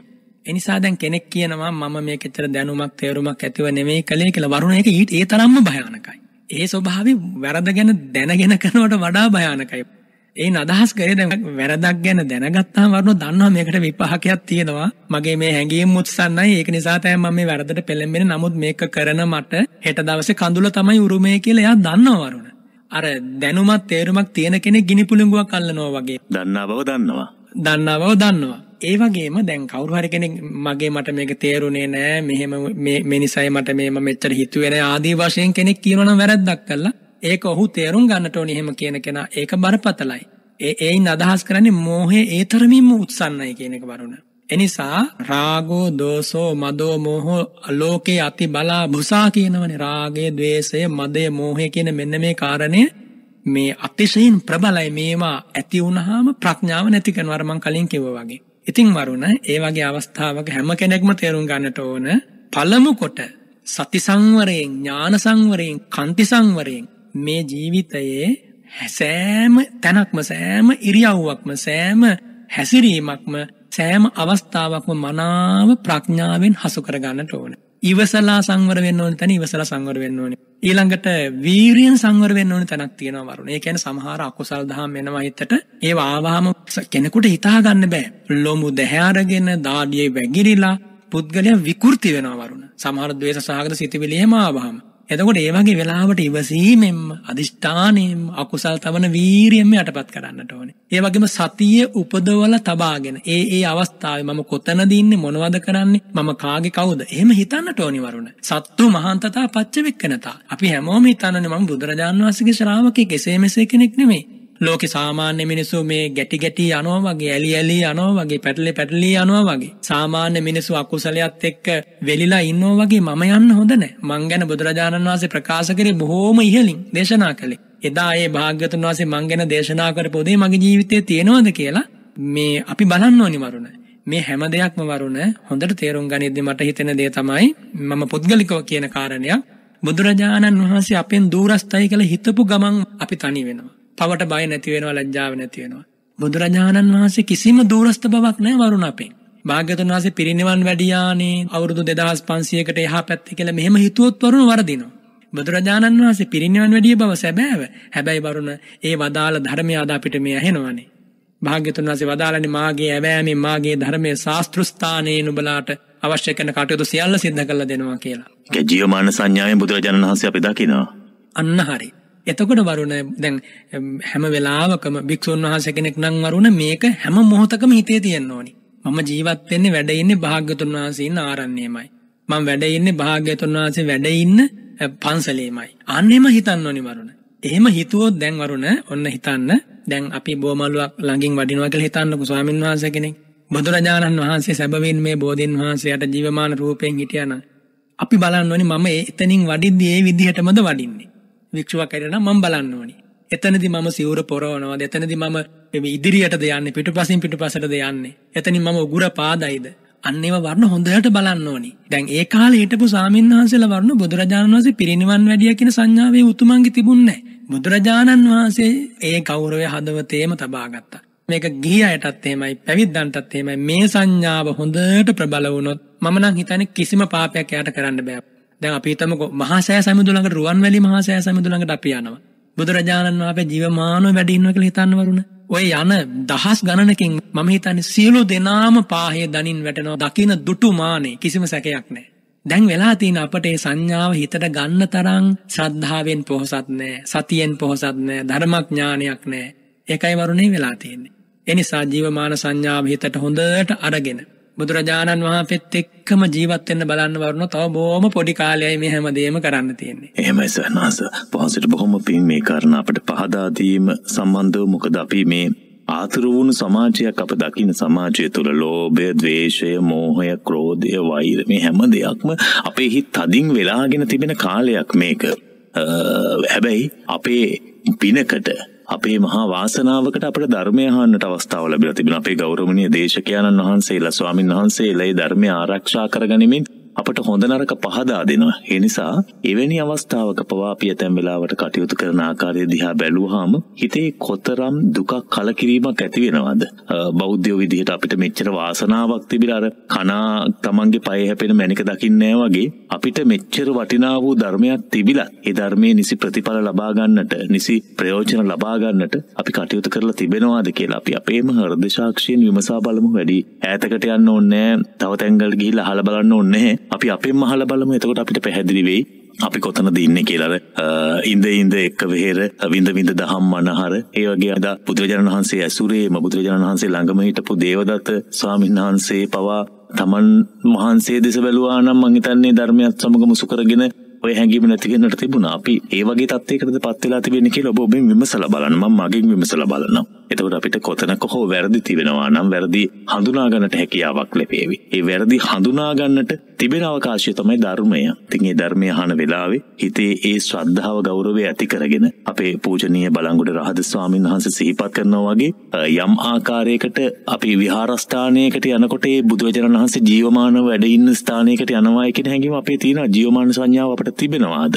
බුද්ධ ප්‍රතිමා වහන්සේ නමක් අසරින් යනකොට මේ වැඩ ඉන්නේ බුදුරජාණන් වහන්සේ ජීවමානවයි කියන හැඟීම අපේ හිතේ තිබෙනවා. තිබුණා නම් ඇතැම් වෙලාවට අපි අතින් වෙන වැරදි බොහොමයක් අඩුපාඩු මකා ගන්නට නැත්නම් අඩු කර ගන්නට ඒ තුළ ජීවිතේ සකසවා ගන්නට අපට අවකාශයක් තිබෙනවා. ස්වාමීන් වහන්සේ සමහරු කියනවා අර වහන්සේ දේශනාවේදී සිහිපත් කළා අපි කටයුතු කරන්නට ඕන ආකාරයන් පිළිබඳව. දැන් අපි නොමැරෙන නොදිරන අයසේ ජීවත් වෙන්න හදන අවස්ථා අපි බොහෝ වෙලාවට දකිනවා. වෛරය පවත්වනවා. කොතරම් සහ කළත් මේක මේ අත්තරින්නේ නෑ යම් දෙයක්. පුළුවන් තරම් අල්ලගන්නමයි බලන්නේ බද්ධ වෛරය. අර වහන්සේ පැහැදිලි කරලා දුන්න අපට. ඒ වගේ තත්ත්වයන් තුළ අපි දීර්ඝව කටයුතු කරනවා. මේවෙන් අපිට ඉවත් වෙන්න බැරි මට්ටමකට සමාජයේ පත් වෙලා වගේ අපිට පේනවා. එහෙම චරිත ඉන්න පුළුවන්ද ස්වාමීන් වහන්සේ? එහෙම වෙන් වෙන්නේ දැන් බිරිඳ සැමියා අතර තිබෙන සම්බන්ධයත් එක්ක බිරිඳ සමහර විට තරහයි තමන්ගේ ඥාතීන් එක්ක එහෙම නැත්නම් ස්වාමියාගේ අනිතයත් එක්ක කටයුතු කරනවට බිරිඳ තරහ අවස්ථා තිබෙනවා. ස්වාමියා තරහ අවස්ථා තිබෙනවා බිරිඳ තමන්ගේ ඥාතීන් එක්ක කටයුතු කරනකොට සමගියට අකමැති වෙන අවස්ථාවන්. මේ මේවත් එක්ක හරි සමාජයේ ව්‍යාකූල වෙලා තිබෙන මම මේ ඉන්න සමාජයත් එක්ක අපි ලබන අත්දැකීම් එක්ක අපි දකින සමාජයත් එක්කයි මා වහන්සේගෙන් විමසා සිටින්නේ. මෙහෙම බද්ධ වෛරය පවත්වා ගන්නට මිනිසෙකුට හැකියාව තිබෙන්නේ කොහොමද ස්වාමීන් වහන්සේ සඳහා අපෝ යම් කිසි ආකාරය කවුරුහරි පොළඹවනවාද නැතන් අපේ බවගාමි සසර ගමනේදී අපි පෙර බවවල රැස් කරපු අකුසලයන්ද මේ විපාක දෙමින් අපිට ඒ ආකාරයට අපේ හිත හසුරුවන්නට කටයුතු කරන්නේ. නැතිනම් අපේ නූමනාවද උමනාවක් නැතිකමද මේ තත්ත්වයන්ට හේතු වෙන්නේ? අපිට මෙතනින් මිදෙන්නට සැබවින්ම හැකියාවක් තිබෙනවාද කියන කාරණය ඔබ වහන්සේ තවත් පහදලා දෙනවා නම් අපි ඉන්න තත්ත්වයෙන් අපිටම ගොඩ එන්නට ධර්මයේ පිහිට පිළිසරණ ඔබ වහන්සේ ඇසුරේම ලබන්නට මේ සාකච්ඡාව තුළ හැකියාව තියෙනවා.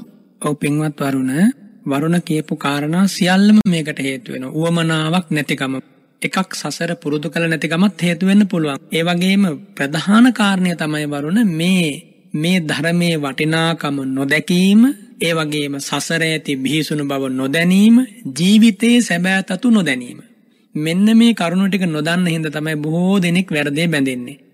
සමගිය වෙනුවෙන් සතුට වෙනුවෙන් සමාදානය වෙනුවෙන් නිවසක වේවා සංඝ සමාජයේ වේවා මා කළ යුතු දෙයක් තියෙනවා මා යෙද අනිවාර්යයෙන්ම කළ යුතුයි. වරුණ මේ ජීවිතේ අපි පුද්ගලයන්ව අල්ලගත්තට පුද්ගලයන් සිප වැළඳ ගත්තට පුද්ගලයන් බදා ගන්න හැදුවට වරුණ මේ පොඩි කාලයකට විතරයි.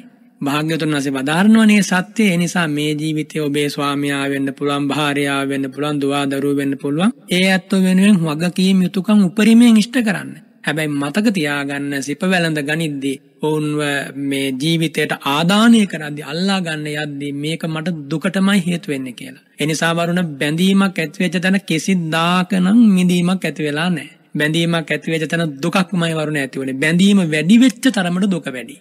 බැඳීම වැඩි වෙච්ච තරමට ඒ කාන්තෙන් දුක වැඩි යස්ස විසාගේ සතම් පියානි සතන් තේසන් දුක්ඛානි අර විශාකාවට වදාරන්නේ ප්‍රිය වස්තු 100ක් තිබ්බොත් දුක් 100යි කියලා. එනිසා බැඳීම් අඩු වෙච්ච තරමට හරි ලේසි ජීවත් වෙන්න. ඒ කියන්නේ අපි හිතමුකෝ ගිහි ගෙදරක ජීවත් වෙන කෙනෙක් අවම මට්ටමින් තමන්ගේ හිත පුළුවන් අවමයකින් පවත්වනවා මේ බැඳීම් අතර. ඒ කියන්නේ ඉන් අදහස් කළේ ජීවත් වෙද්දි වරුණ ඕන ඕන අතර යම් සෙනෙහසක් ආදරයක් ප්‍රේමයක් ඒවා නැතුව ගිහි ගෙදර ජීවත් වෙන්න බෑනේ. ඒවා යම් පමණකට අවශ්‍ය වෙනවා. හැබැයි වරුණ ඒවා මේ මේ తాවකාලික අවුරුදු 20 30 40කට වළංගු වන අවශ්‍යතාව පමණයි කියලා දැනගන්නට ඕනි වරුණ. එහෙම නැත්නම් එයාගේ බැඳීම එයාටමයි කඳුලට පිණිස හේතු වෙන්නේ. අනිත් එක තමයි වරුණ කවදාකවත් හිතන්න නරකයි මට ඕන විදිහට මේ ලෝක යාත්‍රාව පවතීවි කියලා. මගේ ස්වාමියා මගේ භාර්යාව මගේ දුවා දරුවෝ මට ඕන විදිහට මගේ සිතැඟි ආවන්ට අනුව මගේ හිතින් මම සැලසුම් කරපු ආකාරයෙන් මොවුන් ගමන් කරන්න ඕනි මොවුන් hina වෙන්න ඕනි මොවුන් පුද්ගලයන් ඇසුරු කරන්න ඕනි මොවුන්ගේ හැසිරීම මගේ හිතට අනුවම සිද්ධ වෙන්න ඕනි කියලා හිතුවොත් වරුණ අන්න එතනින් ධම්ම තමයි දුක හටගන්නේ. සොරන්ස ඔතනදී දැන් සමහරු කියන දෙයක් තමයි දැන් අපි හිතමුකෝ බිරිඳයි ස්වාමියයි හොඳ සහයෙන් සමගියෙන් ජීවිතය ගත කරනවා. යම් ආකාරයේ වැරදි තැනකදී අර මම මුලින් සිහිපත් කළ ආකාරයකට තමන්ගේ ඥාතීන් ඇසුරේ වේවා යම් තැනකදී එහෙම ගැටුමක් ඇති වුණොත් ස්වාමියා තමන්ගේ පාර්ශවයට බිරිඳ තමන්ගේ පාර්ශවයට ඇලුම් කරලා ඒක ගැටුමක් බවට පරිවර්තනය වුණාම ඒකට එකක නොවන තැන. නැත්නම් අපි දේශපාලනික වශයෙන් බැලුවත් ඇතැම් වෙලාවට තමන්ගේ යම් ආකාරي කණ්ඩායම දරන ප්‍රතිපත්තියෙන් තොර වුණොත් ප්‍රතිපත්තිය මේකට පාදක කරගන්න. ප්‍රතිපත්ති නැති මිනිස්සෙක්. එහෙම නැත්නම් කිසිම ගුණයක් තමන්ට උදව් කරපු අය අමතක කරන එහෙම මිනිස්සෙක්. මෙහෙම කියන තත්යකට පත් වෙනවා. අපි ධර්මානුකූල ඇසින්ද මේ දේශ බලන්නට ඕන නැත්නම් తాවකාලිකව කෙටි පිරිසක් සතුටු කිරීමේ අභිලාෂයෙන් අපි මේ දේවල් දිහා බලන්නට ඕන කියන කාරණය මොකද අපි ගිහි සමාජයේ ඉන්නකොට ජීවත් වෙන්නත් ඕන සමාජයේ යම් ආකාරයකට සියලු දෙනා එකට එකතු කරගෙන යන්නත් ඕන ඒ තුලදී මේ වගේ ගැටීම් අපිට නිරන්තරයෙන්ම හමු වෙනවනේ ස්වාමීන් වහන්සේ. ඒ කියන්නේ එක පැත්තකින් යම් කණ්ඩායමක් තියාගන්නත් ඕන.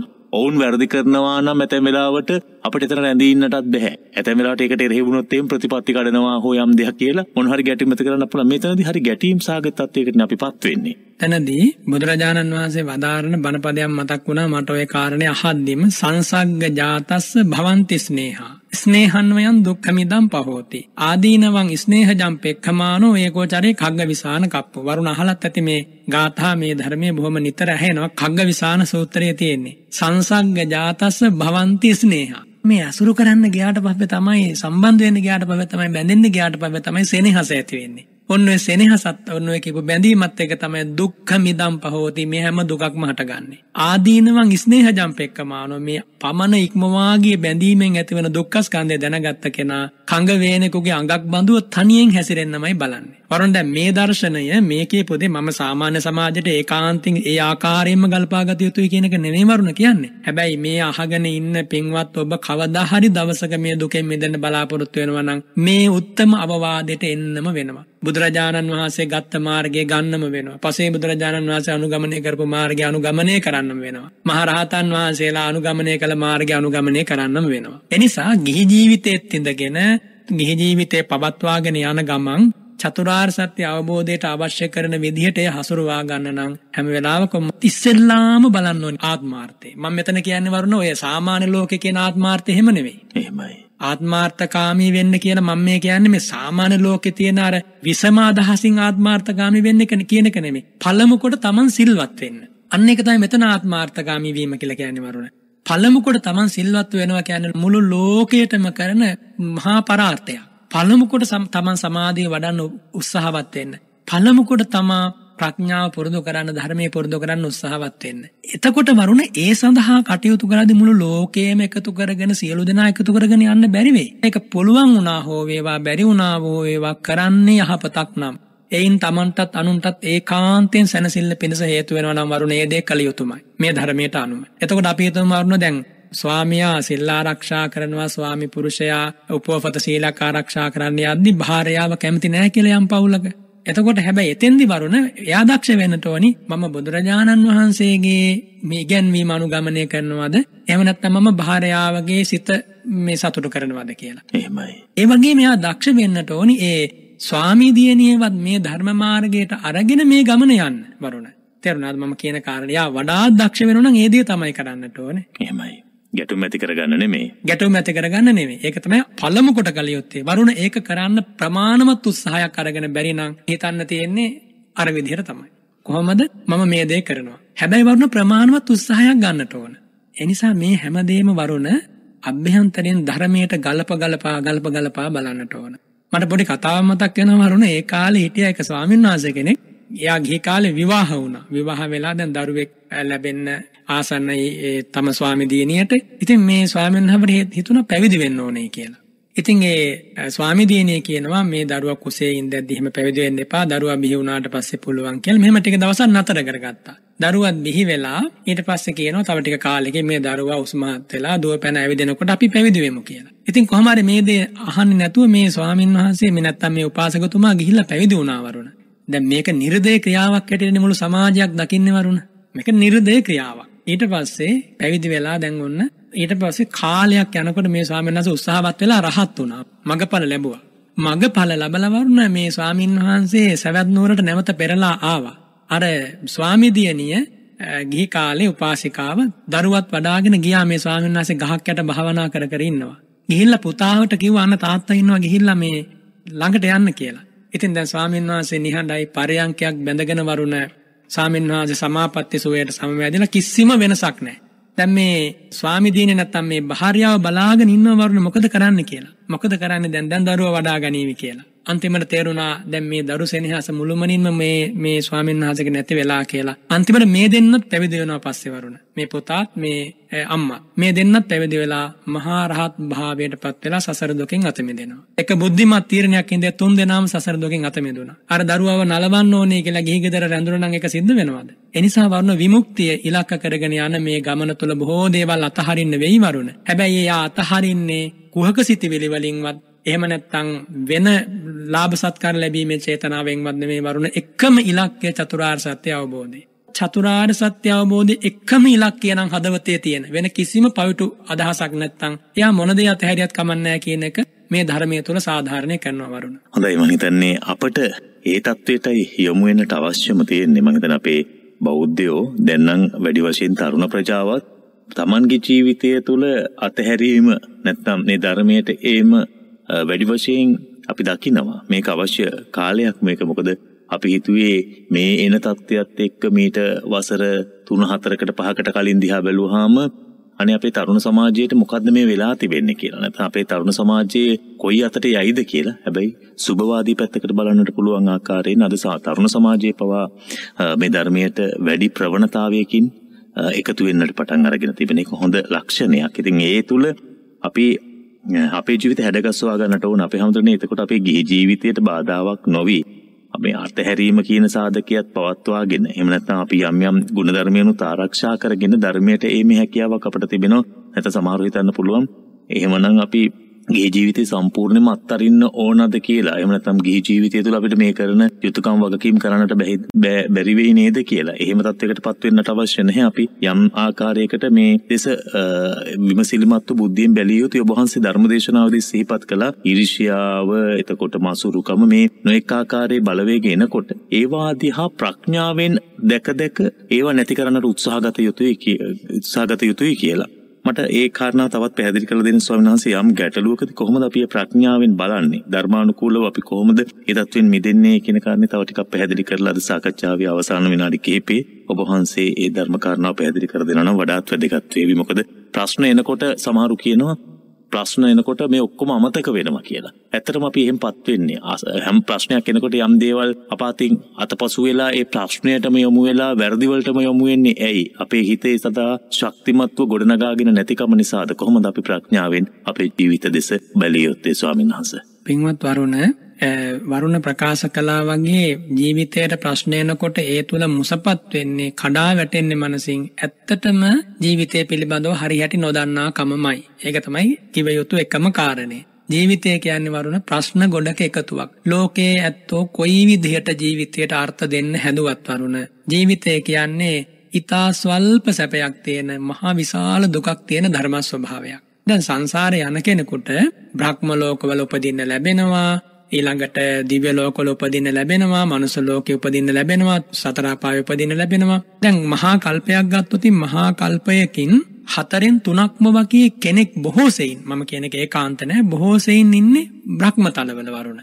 සංවට්ට සංවට්ටට්ටායි විවට්ට විවට්ටට්ටායි කියන මේ කල්පේ කොටස් හතරක් තියෙනවානේ. ඒ වරුණ ඒ කොටස් හතරෙන් එකම කොටසක් පමණයි මේ මනුස්සලෝකය ඊළඟට මේ කියපු තිරසංආදී මේ ලෝකවල සත්වයන් වැඩිපුර ප්‍රතිසන්ධි ගන්න නැත්තං ඉපදෙන්න මැරෙන්නේ. ඒතු දැන් දීර්ඝාෂ බ්‍රහ්මලෝකයක සමහරවිට ඔය කියපු කල්ප ඔය කියපු හතරෙන් තුනම සමහට ජීවිතයක් දෙක තුනක් වෙන්න පුළුවන්. එක ඔය ඔය දීර්ඝ කාලෙටම ජීවිත දෙකක් තුනක් හතරක් වෙන්න පුළුවන්. හැබැයි වරුණ මේ හතරෙන් එකක කාලය තුල මෙරි මෙරි ඉපදෙන වාර ලක්ෂ වලින් කියන්න බෑ වරුණ. කෝටි වලින් කියන්නත් බෑ. එනිසායි වරුණ මේ සසර දුකයි කියලා කියන්නේ. එනිසා මේක හොඳට දැනගත්ත කෙනා මේ මේ පිළිබඳ යම් අධ්‍යයනයක් කරලා භාග්‍යතුන් වහන්සේගේ ධර්මය යම් පමණකින් තේරුම් ගත්ත කෙනා ජීවිතේට මොන ප්‍රශ්න ආවත් වරුණ ඒකට මුහුණ දෙන්න ක්‍රමය දන්නවා. ඔබට මම පසුගේ වැඩසටහනකදී මතක් කළා කියලා මට මතකයක් තියෙනවා බන්දුල මල්ලිකා දානි පූජා කර කර ඉන්නකොට දරුවන් 32 දෙනෙක් ඝාතනය කළා කියන හසුන්පත ආවාරුණ. එහෙමයි. පණිවිඩ එනවා. ඒත් ඇය නෑ සැලුනේ. එයා දාන පූජා කළා සාරිපුත්‍ර ස්වාමීන් වහන්සේට මේ මේ හසුන් පතාරගෙන පෙන්නවා. වරුණ අන්න එතෙන්ට තමයි ශ්‍රාවකයාව යොමු කරන්නේ බුදුරජාණන් වහන්සේ. දුක එනවා කියන එක නැති කරන්න ලෝකේ කාටවත් බෑ. එන්න දුකට මුහුණ දීමට ශක්තිය හැදීම තමයි තථාගත ධර්මයෙන් බුදුරජාණන් වහන්සේ ශ්‍රාවකයාව දිරිමත් කරන්නේ. නැත්තම් අටලෝ දහම මගේ ජීවිතයට එන්න එපා කියලා. අටලෝ දහමේ ඇතිවනේ පෙරැලිය නැත්තං ඒ ඒ අටලෝදහමේ තියෙන දුක්හිත ස්වභාවය එහි ඇති වේදනාකාරී පැත මට එන්න එපා කියලා බේරෙන්න ලෝකෙ කාටවත්ම බෑවරුණ. එහෙමයි. එනිසා එන ඕනෑම ප්‍රශ්නයකට ප්‍රඥාවෙන් මුහුණ දෙනවා කියන්නේ වරුණ මෙතෙන්දි හොඳටම තේරුම් ගන්න මට විතරක් නෙවෙයි මේ දුක් එන්නේ. ලෝකේ උපන් හැමෝටම මේ දුක් වෙනවා. මම විතරක් නෙවෙයි මේ වගේ ප්‍රශ්නයකින් බැට ගන්න පළමු කෙනා ලෝකේ බොහෝ දෙනා මේ වගේ බැට කාලා තියෙනවා. එනිසා මේ රාග ද්වේෂාදී කෙලෙස් යම් තාක් මනසක ලැබුම් ගෙන පවතේ දේ තාක් මට දුක එනවා කියලා අරුණ දුක එන මූලය හඳුනා ගන්නට ඕන. නැත්තම් ප්‍රශ්නේ කවදාවත් ලිහෙන්නේ නැහැ. අපි හිතමු අරුණ ඊර්ෂ්‍යාවක් එනවා. ඊර්ෂ්‍යාවෙන් ඇයි මට මේ ඊර්ෂ්‍යාව වෙන්නේ? මේ මේ ඒ ඊර්ෂ්‍යාව පැමිණීම යුතු දෙයක්ද? තව කෙනෙකුගේ දෙයක් සඳහා මම ඊර්ෂ්‍යාවක් කරනවා නම් මම මේ කර්මයේ ඵලය පිළිගන්නේ නැතුව හේතුඵල ධාම ඉක්මවා ගියලා හිතන්න හදන දෙයක්. එනිසා ඔහු කරපු දේවල් අනුව තමයි ඔහුට ලාභ සත්කාර ලැබෙන්නේ. මම කරපු දේවල් වලට අනුව තමයි මට දේවල් ලැබෙන්නේ. මෙතන ඊර්ෂ්‍යා කරන කිසිම දෙයක් නැහැ කියලා ප්‍රඥාවෙන් මේ ප්‍රශ්නේ විසඳ ගන්නවා. ඊළඟට වුණොත් ද්වේෂයක් ඇති වෙනවා. ද්වේෂයක් ඇති වෙනකොට හිතනවා මේ ද්වේෂය නිසා මගේ හිත මුළුමනින්ම අවුල් වෙනවා. මරණින් මත්තේ මලයක් එක්ක යක්ෂණියක් වෙන්න පුළුවන්. මෙලොවටත් හොඳ නැහැ, පරලොවටත් හොඳ නැහැ. මේ ද්වේෂයෙන් ඉන්න මොහොතක් පාසා ප්‍රශ්න වලට උත්තර නෙමෙයි මට මුණ ගැසෙන්නේ. තවත් ප්‍රශ්න අවුල් වෙලා යන දේවල් මම හිතට එන්නේ. ඒ නිසා මෙලොවටත් හොඳ නැහැ, පරලොවටත් හොඳ නැහැ. මේ ප්‍රශ්නේ උස්සන්න වුණොත් මා ඇසුරු කරන අයටත් මහ විනාශයක් සිද්ධ වෙනවා කියලා ආදීනව මෙනෙහි කරලා මූලය හඳුනාගෙන ඇයි මට මේ ද්වේෂය ආවේ? මම අයෝනිසෝ මනසිකාරයෙන් පටිඝ නිමිත්ත හිතට ගත්තා. මට දොස් කියපු දේ බැනපු දේ මම අභිභවනය කරන්න හදපු දේ මම නැවත නැවත මෙනෙහි කරා වැරදි විදියට. මේක මට ගැලපෙන්නේ නැහැ බුද්ධ ශ්‍රාවකයෙක් හැටියට කියලා හිතලා වරුණ එහි මූලය මෙනෙහි කරලා. ඒ මූලයට අනුව මූලයට ප්‍රතිකර්ම කරන්න යා උත්සාහවත් වුණොත් එකපාරටම අමාරු වෙයි. හැබැයි උත්සාහවත් වුණොත් එයාට දවසක පුළුවන් රාගය අභිභවනය කරන්න දේශය ඉක්මවා යන්න මෝහය ඉක්මවා යන්න ඒ වගේම ඉරිසියාව ඉක්මවා යන්න මසුරුකම ඉක්මවා යන්න. මේකට ප්‍රවේශයක් හදාගන්න ඕනි වරුණ කොහොම හරි. ඒ කියන්නේ මේ ධර්මයට කොහොම හරි ඇතුල් වෙන්න ඕනි. අමාරුවක් නෑ කරන්න පුළුවන්. එහෙමයි. අපිට වඩා ඊතා අසරණ වෙච්ච උදවිය පවා මේ ධර්ම මාර්ගයේ දියුණුවක් ලැබුවා වරුණ. ඉතින් එනිසා අපිටත් මේ දේ කරන්න පුළුවන් මටත් මේ ධර්මයේ පුරුදු කරන්න පුළුවන් කියන ශක්තිය හිතට ගන්න ඕනි. අනිත් එක වරුණ මුළු සමාජයක්ම දැන් අද අපි මේ කතා කරන්නේ වර්තමාන සමාජ ක්‍රමයේ ඉඳගෙනනේ. එදා තිබ්බ සමාජ ක්‍රමය මීට වඩා හාත්පසින් වෙනස්. එයින් මම අදහස් කරන්නේ ඒ සමාජයේ හිටව මිනිසුන්ට රාග දේශ මොහ නැහැ කියන එක නෙමෙයි. හැබැයි මේ තාන්ත්‍රණය මීට වඩා වෙනස්. එතකොට ඒ කාලේ මුනිවරු ඍෂිවරු මහේශාක්‍ය උදවිය සමාජ ක්‍රමයේ සුලභයි. මහරහතන් වහන්සේලා බහුලා ඒ උතුමන්ගේ ක්‍රියාකාරීත්වයන් ප්‍රකටයි. එනිසා මිනිසුන්ට ලොකු අනුග්‍රහයක් ඒ පැත්තෙන් ලැබුණා. අද වරුණ මේ බහුතේකයේ ඔළුවේ සීම නිසා සුවිශාල පිරිසක් බහුතකය තුළ කොටු වෙලා. ඒවායි පුදුමයට පත් වෙනවා. ඒවා සරණ යනවා. ඒවා හොයාගෙන යනවා. ඒ වගින් ලැබෙන ආස්වාදයට වසඟ වෙලා. මෙන්න මේ ආදීනව වර්තමානයේ තියෙනවා. එනිසා ඔබ දක්ෂ වෙලා මේ ආදීනව නැත්තම් මේක මේ අනතුර දැකලා මේවට වසඟ නොවී මේ తాවකාලික සුවය උපදවා දෙන ලාමක මේ මැවුම් කරණයට නැත්තම් මේ තියෙන මමා පෙන්වන ගතියට මේ තියෙන ඉදිරිපත් කිරීම වලට මේ තියෙන නිපැයුම් වලට වසඟ නොවි ඔබ හිත මුදවාගෙන ඔබ ජාති ජරා මරණ වලින් යුක්ත කෙනෙක් කියන මෙනෙහි කිරීම නිරන්තරයෙන් හිතේ තියාගන්න. හොඳයි අපිට අද අපේ ජීවිතය හදාගන්නට අපි බොහෝ වෙලාවට අර මං නිතර නිතර සිහිපත් කළා පහුගිය වැඩසටහන් කීපෙදීම මම්මුලා වූවන්සේ හැසිරෙන ජීවිතය යම් ආකාරයේ දිශානතියකට හරවා ගන්නට ධර්මානුකූල මාර්ගයකට හරවා ගන්නට මේ සෑම බණපදයක්ම ඔබට අපට ඉවහල් වෙනවා. ඇත්තරම වහන්සේ අවසාන වශයෙන් සිහිපත් කළ ආකාරයටම මේ මොන මැවුම් කරණයකට මොන භෞතික දෙයකට වුණත් අපි යොමු වුණත් ඒවා ක්ෂණයකින් මොහොතකින් විනාශ වෙලා ඒවා අපට යම් ආකාරයකට පවත්වා ගන්නට තිබෙන හැකියාව කොතෙක්ද කියන කාරණය. නැත්නම් අපි කොතරම් උසස්යයි සම්මත දේවල් වලට වසඟ වෙලා හිටියත් ඒවා මේ ස්වභාව ධර්මයක් එක්ක තිබෙන සම්මතතාවක් මත ගොඩනැගී විනාශ වෙනවාද කියන කාරණේ මනාව පැහැදිලි වුණා මේ පසුගිය දවස්වල ආපු අසංගත තත්ත්වයන් එක්කම ලෝකේ කොතරම් වෙනස් වුණාද. ඉතින් ඒ තත්ත්වයන් තුල සැබෑ අර්ථය යථාර්ථය හඳුනා ගන්නට මේ ස්වභාව ධර්මයත් එක්ක තිබෙන සමනතාවය මම හිතන්නේ බුද්ධ ධර්මයේ තුල තිබෙන සමනතාවය බොහොම ශක්තිමත්. ඒ යථා ස්වභාවය අපිට පහදලා දෙනවා. ඒ නිසා ඒ මඟ නිරත වෙන්නට අපට මම හිතන්නේ අපේ අවධානය වැඩි වශයෙන් යොමු වුණා. පෞගේ කාලයේ මනාසේ පැහැදිලි වෙනවා මේ බණ පදහනකොට. ඉතින් ඔබ වහන්සේට බොහොම පිං අපේ ස්වාමීන් වහන්සේ මේ උතුම් වූ දහම් කාරණා සමග අප සමාජගතේ ජීවීන් විදිහට නැත සමාජයේ සැරිසරන පුද්ගලයන් විදිහට සමාජීය අනුසාරයේ නැගෙන ප්‍රශ්න ධර්මානුකූල හැකින් බලන්නට අපව යොමු කිරීම සම්බන්ධව අපි නැවත නැවත ඔබ වහන්සේට පින් දෙනවා. මොකද අපි නැත්නම් දිගින් දිගටම අනාගතේ සාර්ථකයි කියා බොහෝ වෙලාවට ගමන් කරන්නේ ජීවිතය විනාශය කරාගෙන යන මාර්ගයේ ඒ මාර්ගය වෙනස් කරන්න අපට වාසනාව තිබෙනවා ධර්මයත් සමග ඒ දහම් මාර්ගයට හරවාම හැරවීමට ඔබ වහන්සේ දරන උත්සාහය ඉතාමත්ම වටිනවා. ඒ උත්සාහය තවත් දීර්ඝ කාලයක් සිදු කරන්නට ඔබ වහන්සේට ශක්තිය ධෛර්යය නිදුක් නිරෝගී භාවය දීර්ඝායුෂ ලැබේවා කියලා ප්‍රාර්ථනා කරනවා. බොහොම ගෞරව සිතින් ඒ වගේම ඒ කරන්නා වූ කුසල සම්පත්තිය ඔබ වහන්සේට මේ ගෞතම සම්බුද්ධ ශාසනයේම උතුම් වූ නිවනින් නිවෙන්නට පාරමිතා වේවා කියලා ගෞරව සිතින් ප්‍රාර්ථනා කරන ස්වාමීන් වහන්සේ.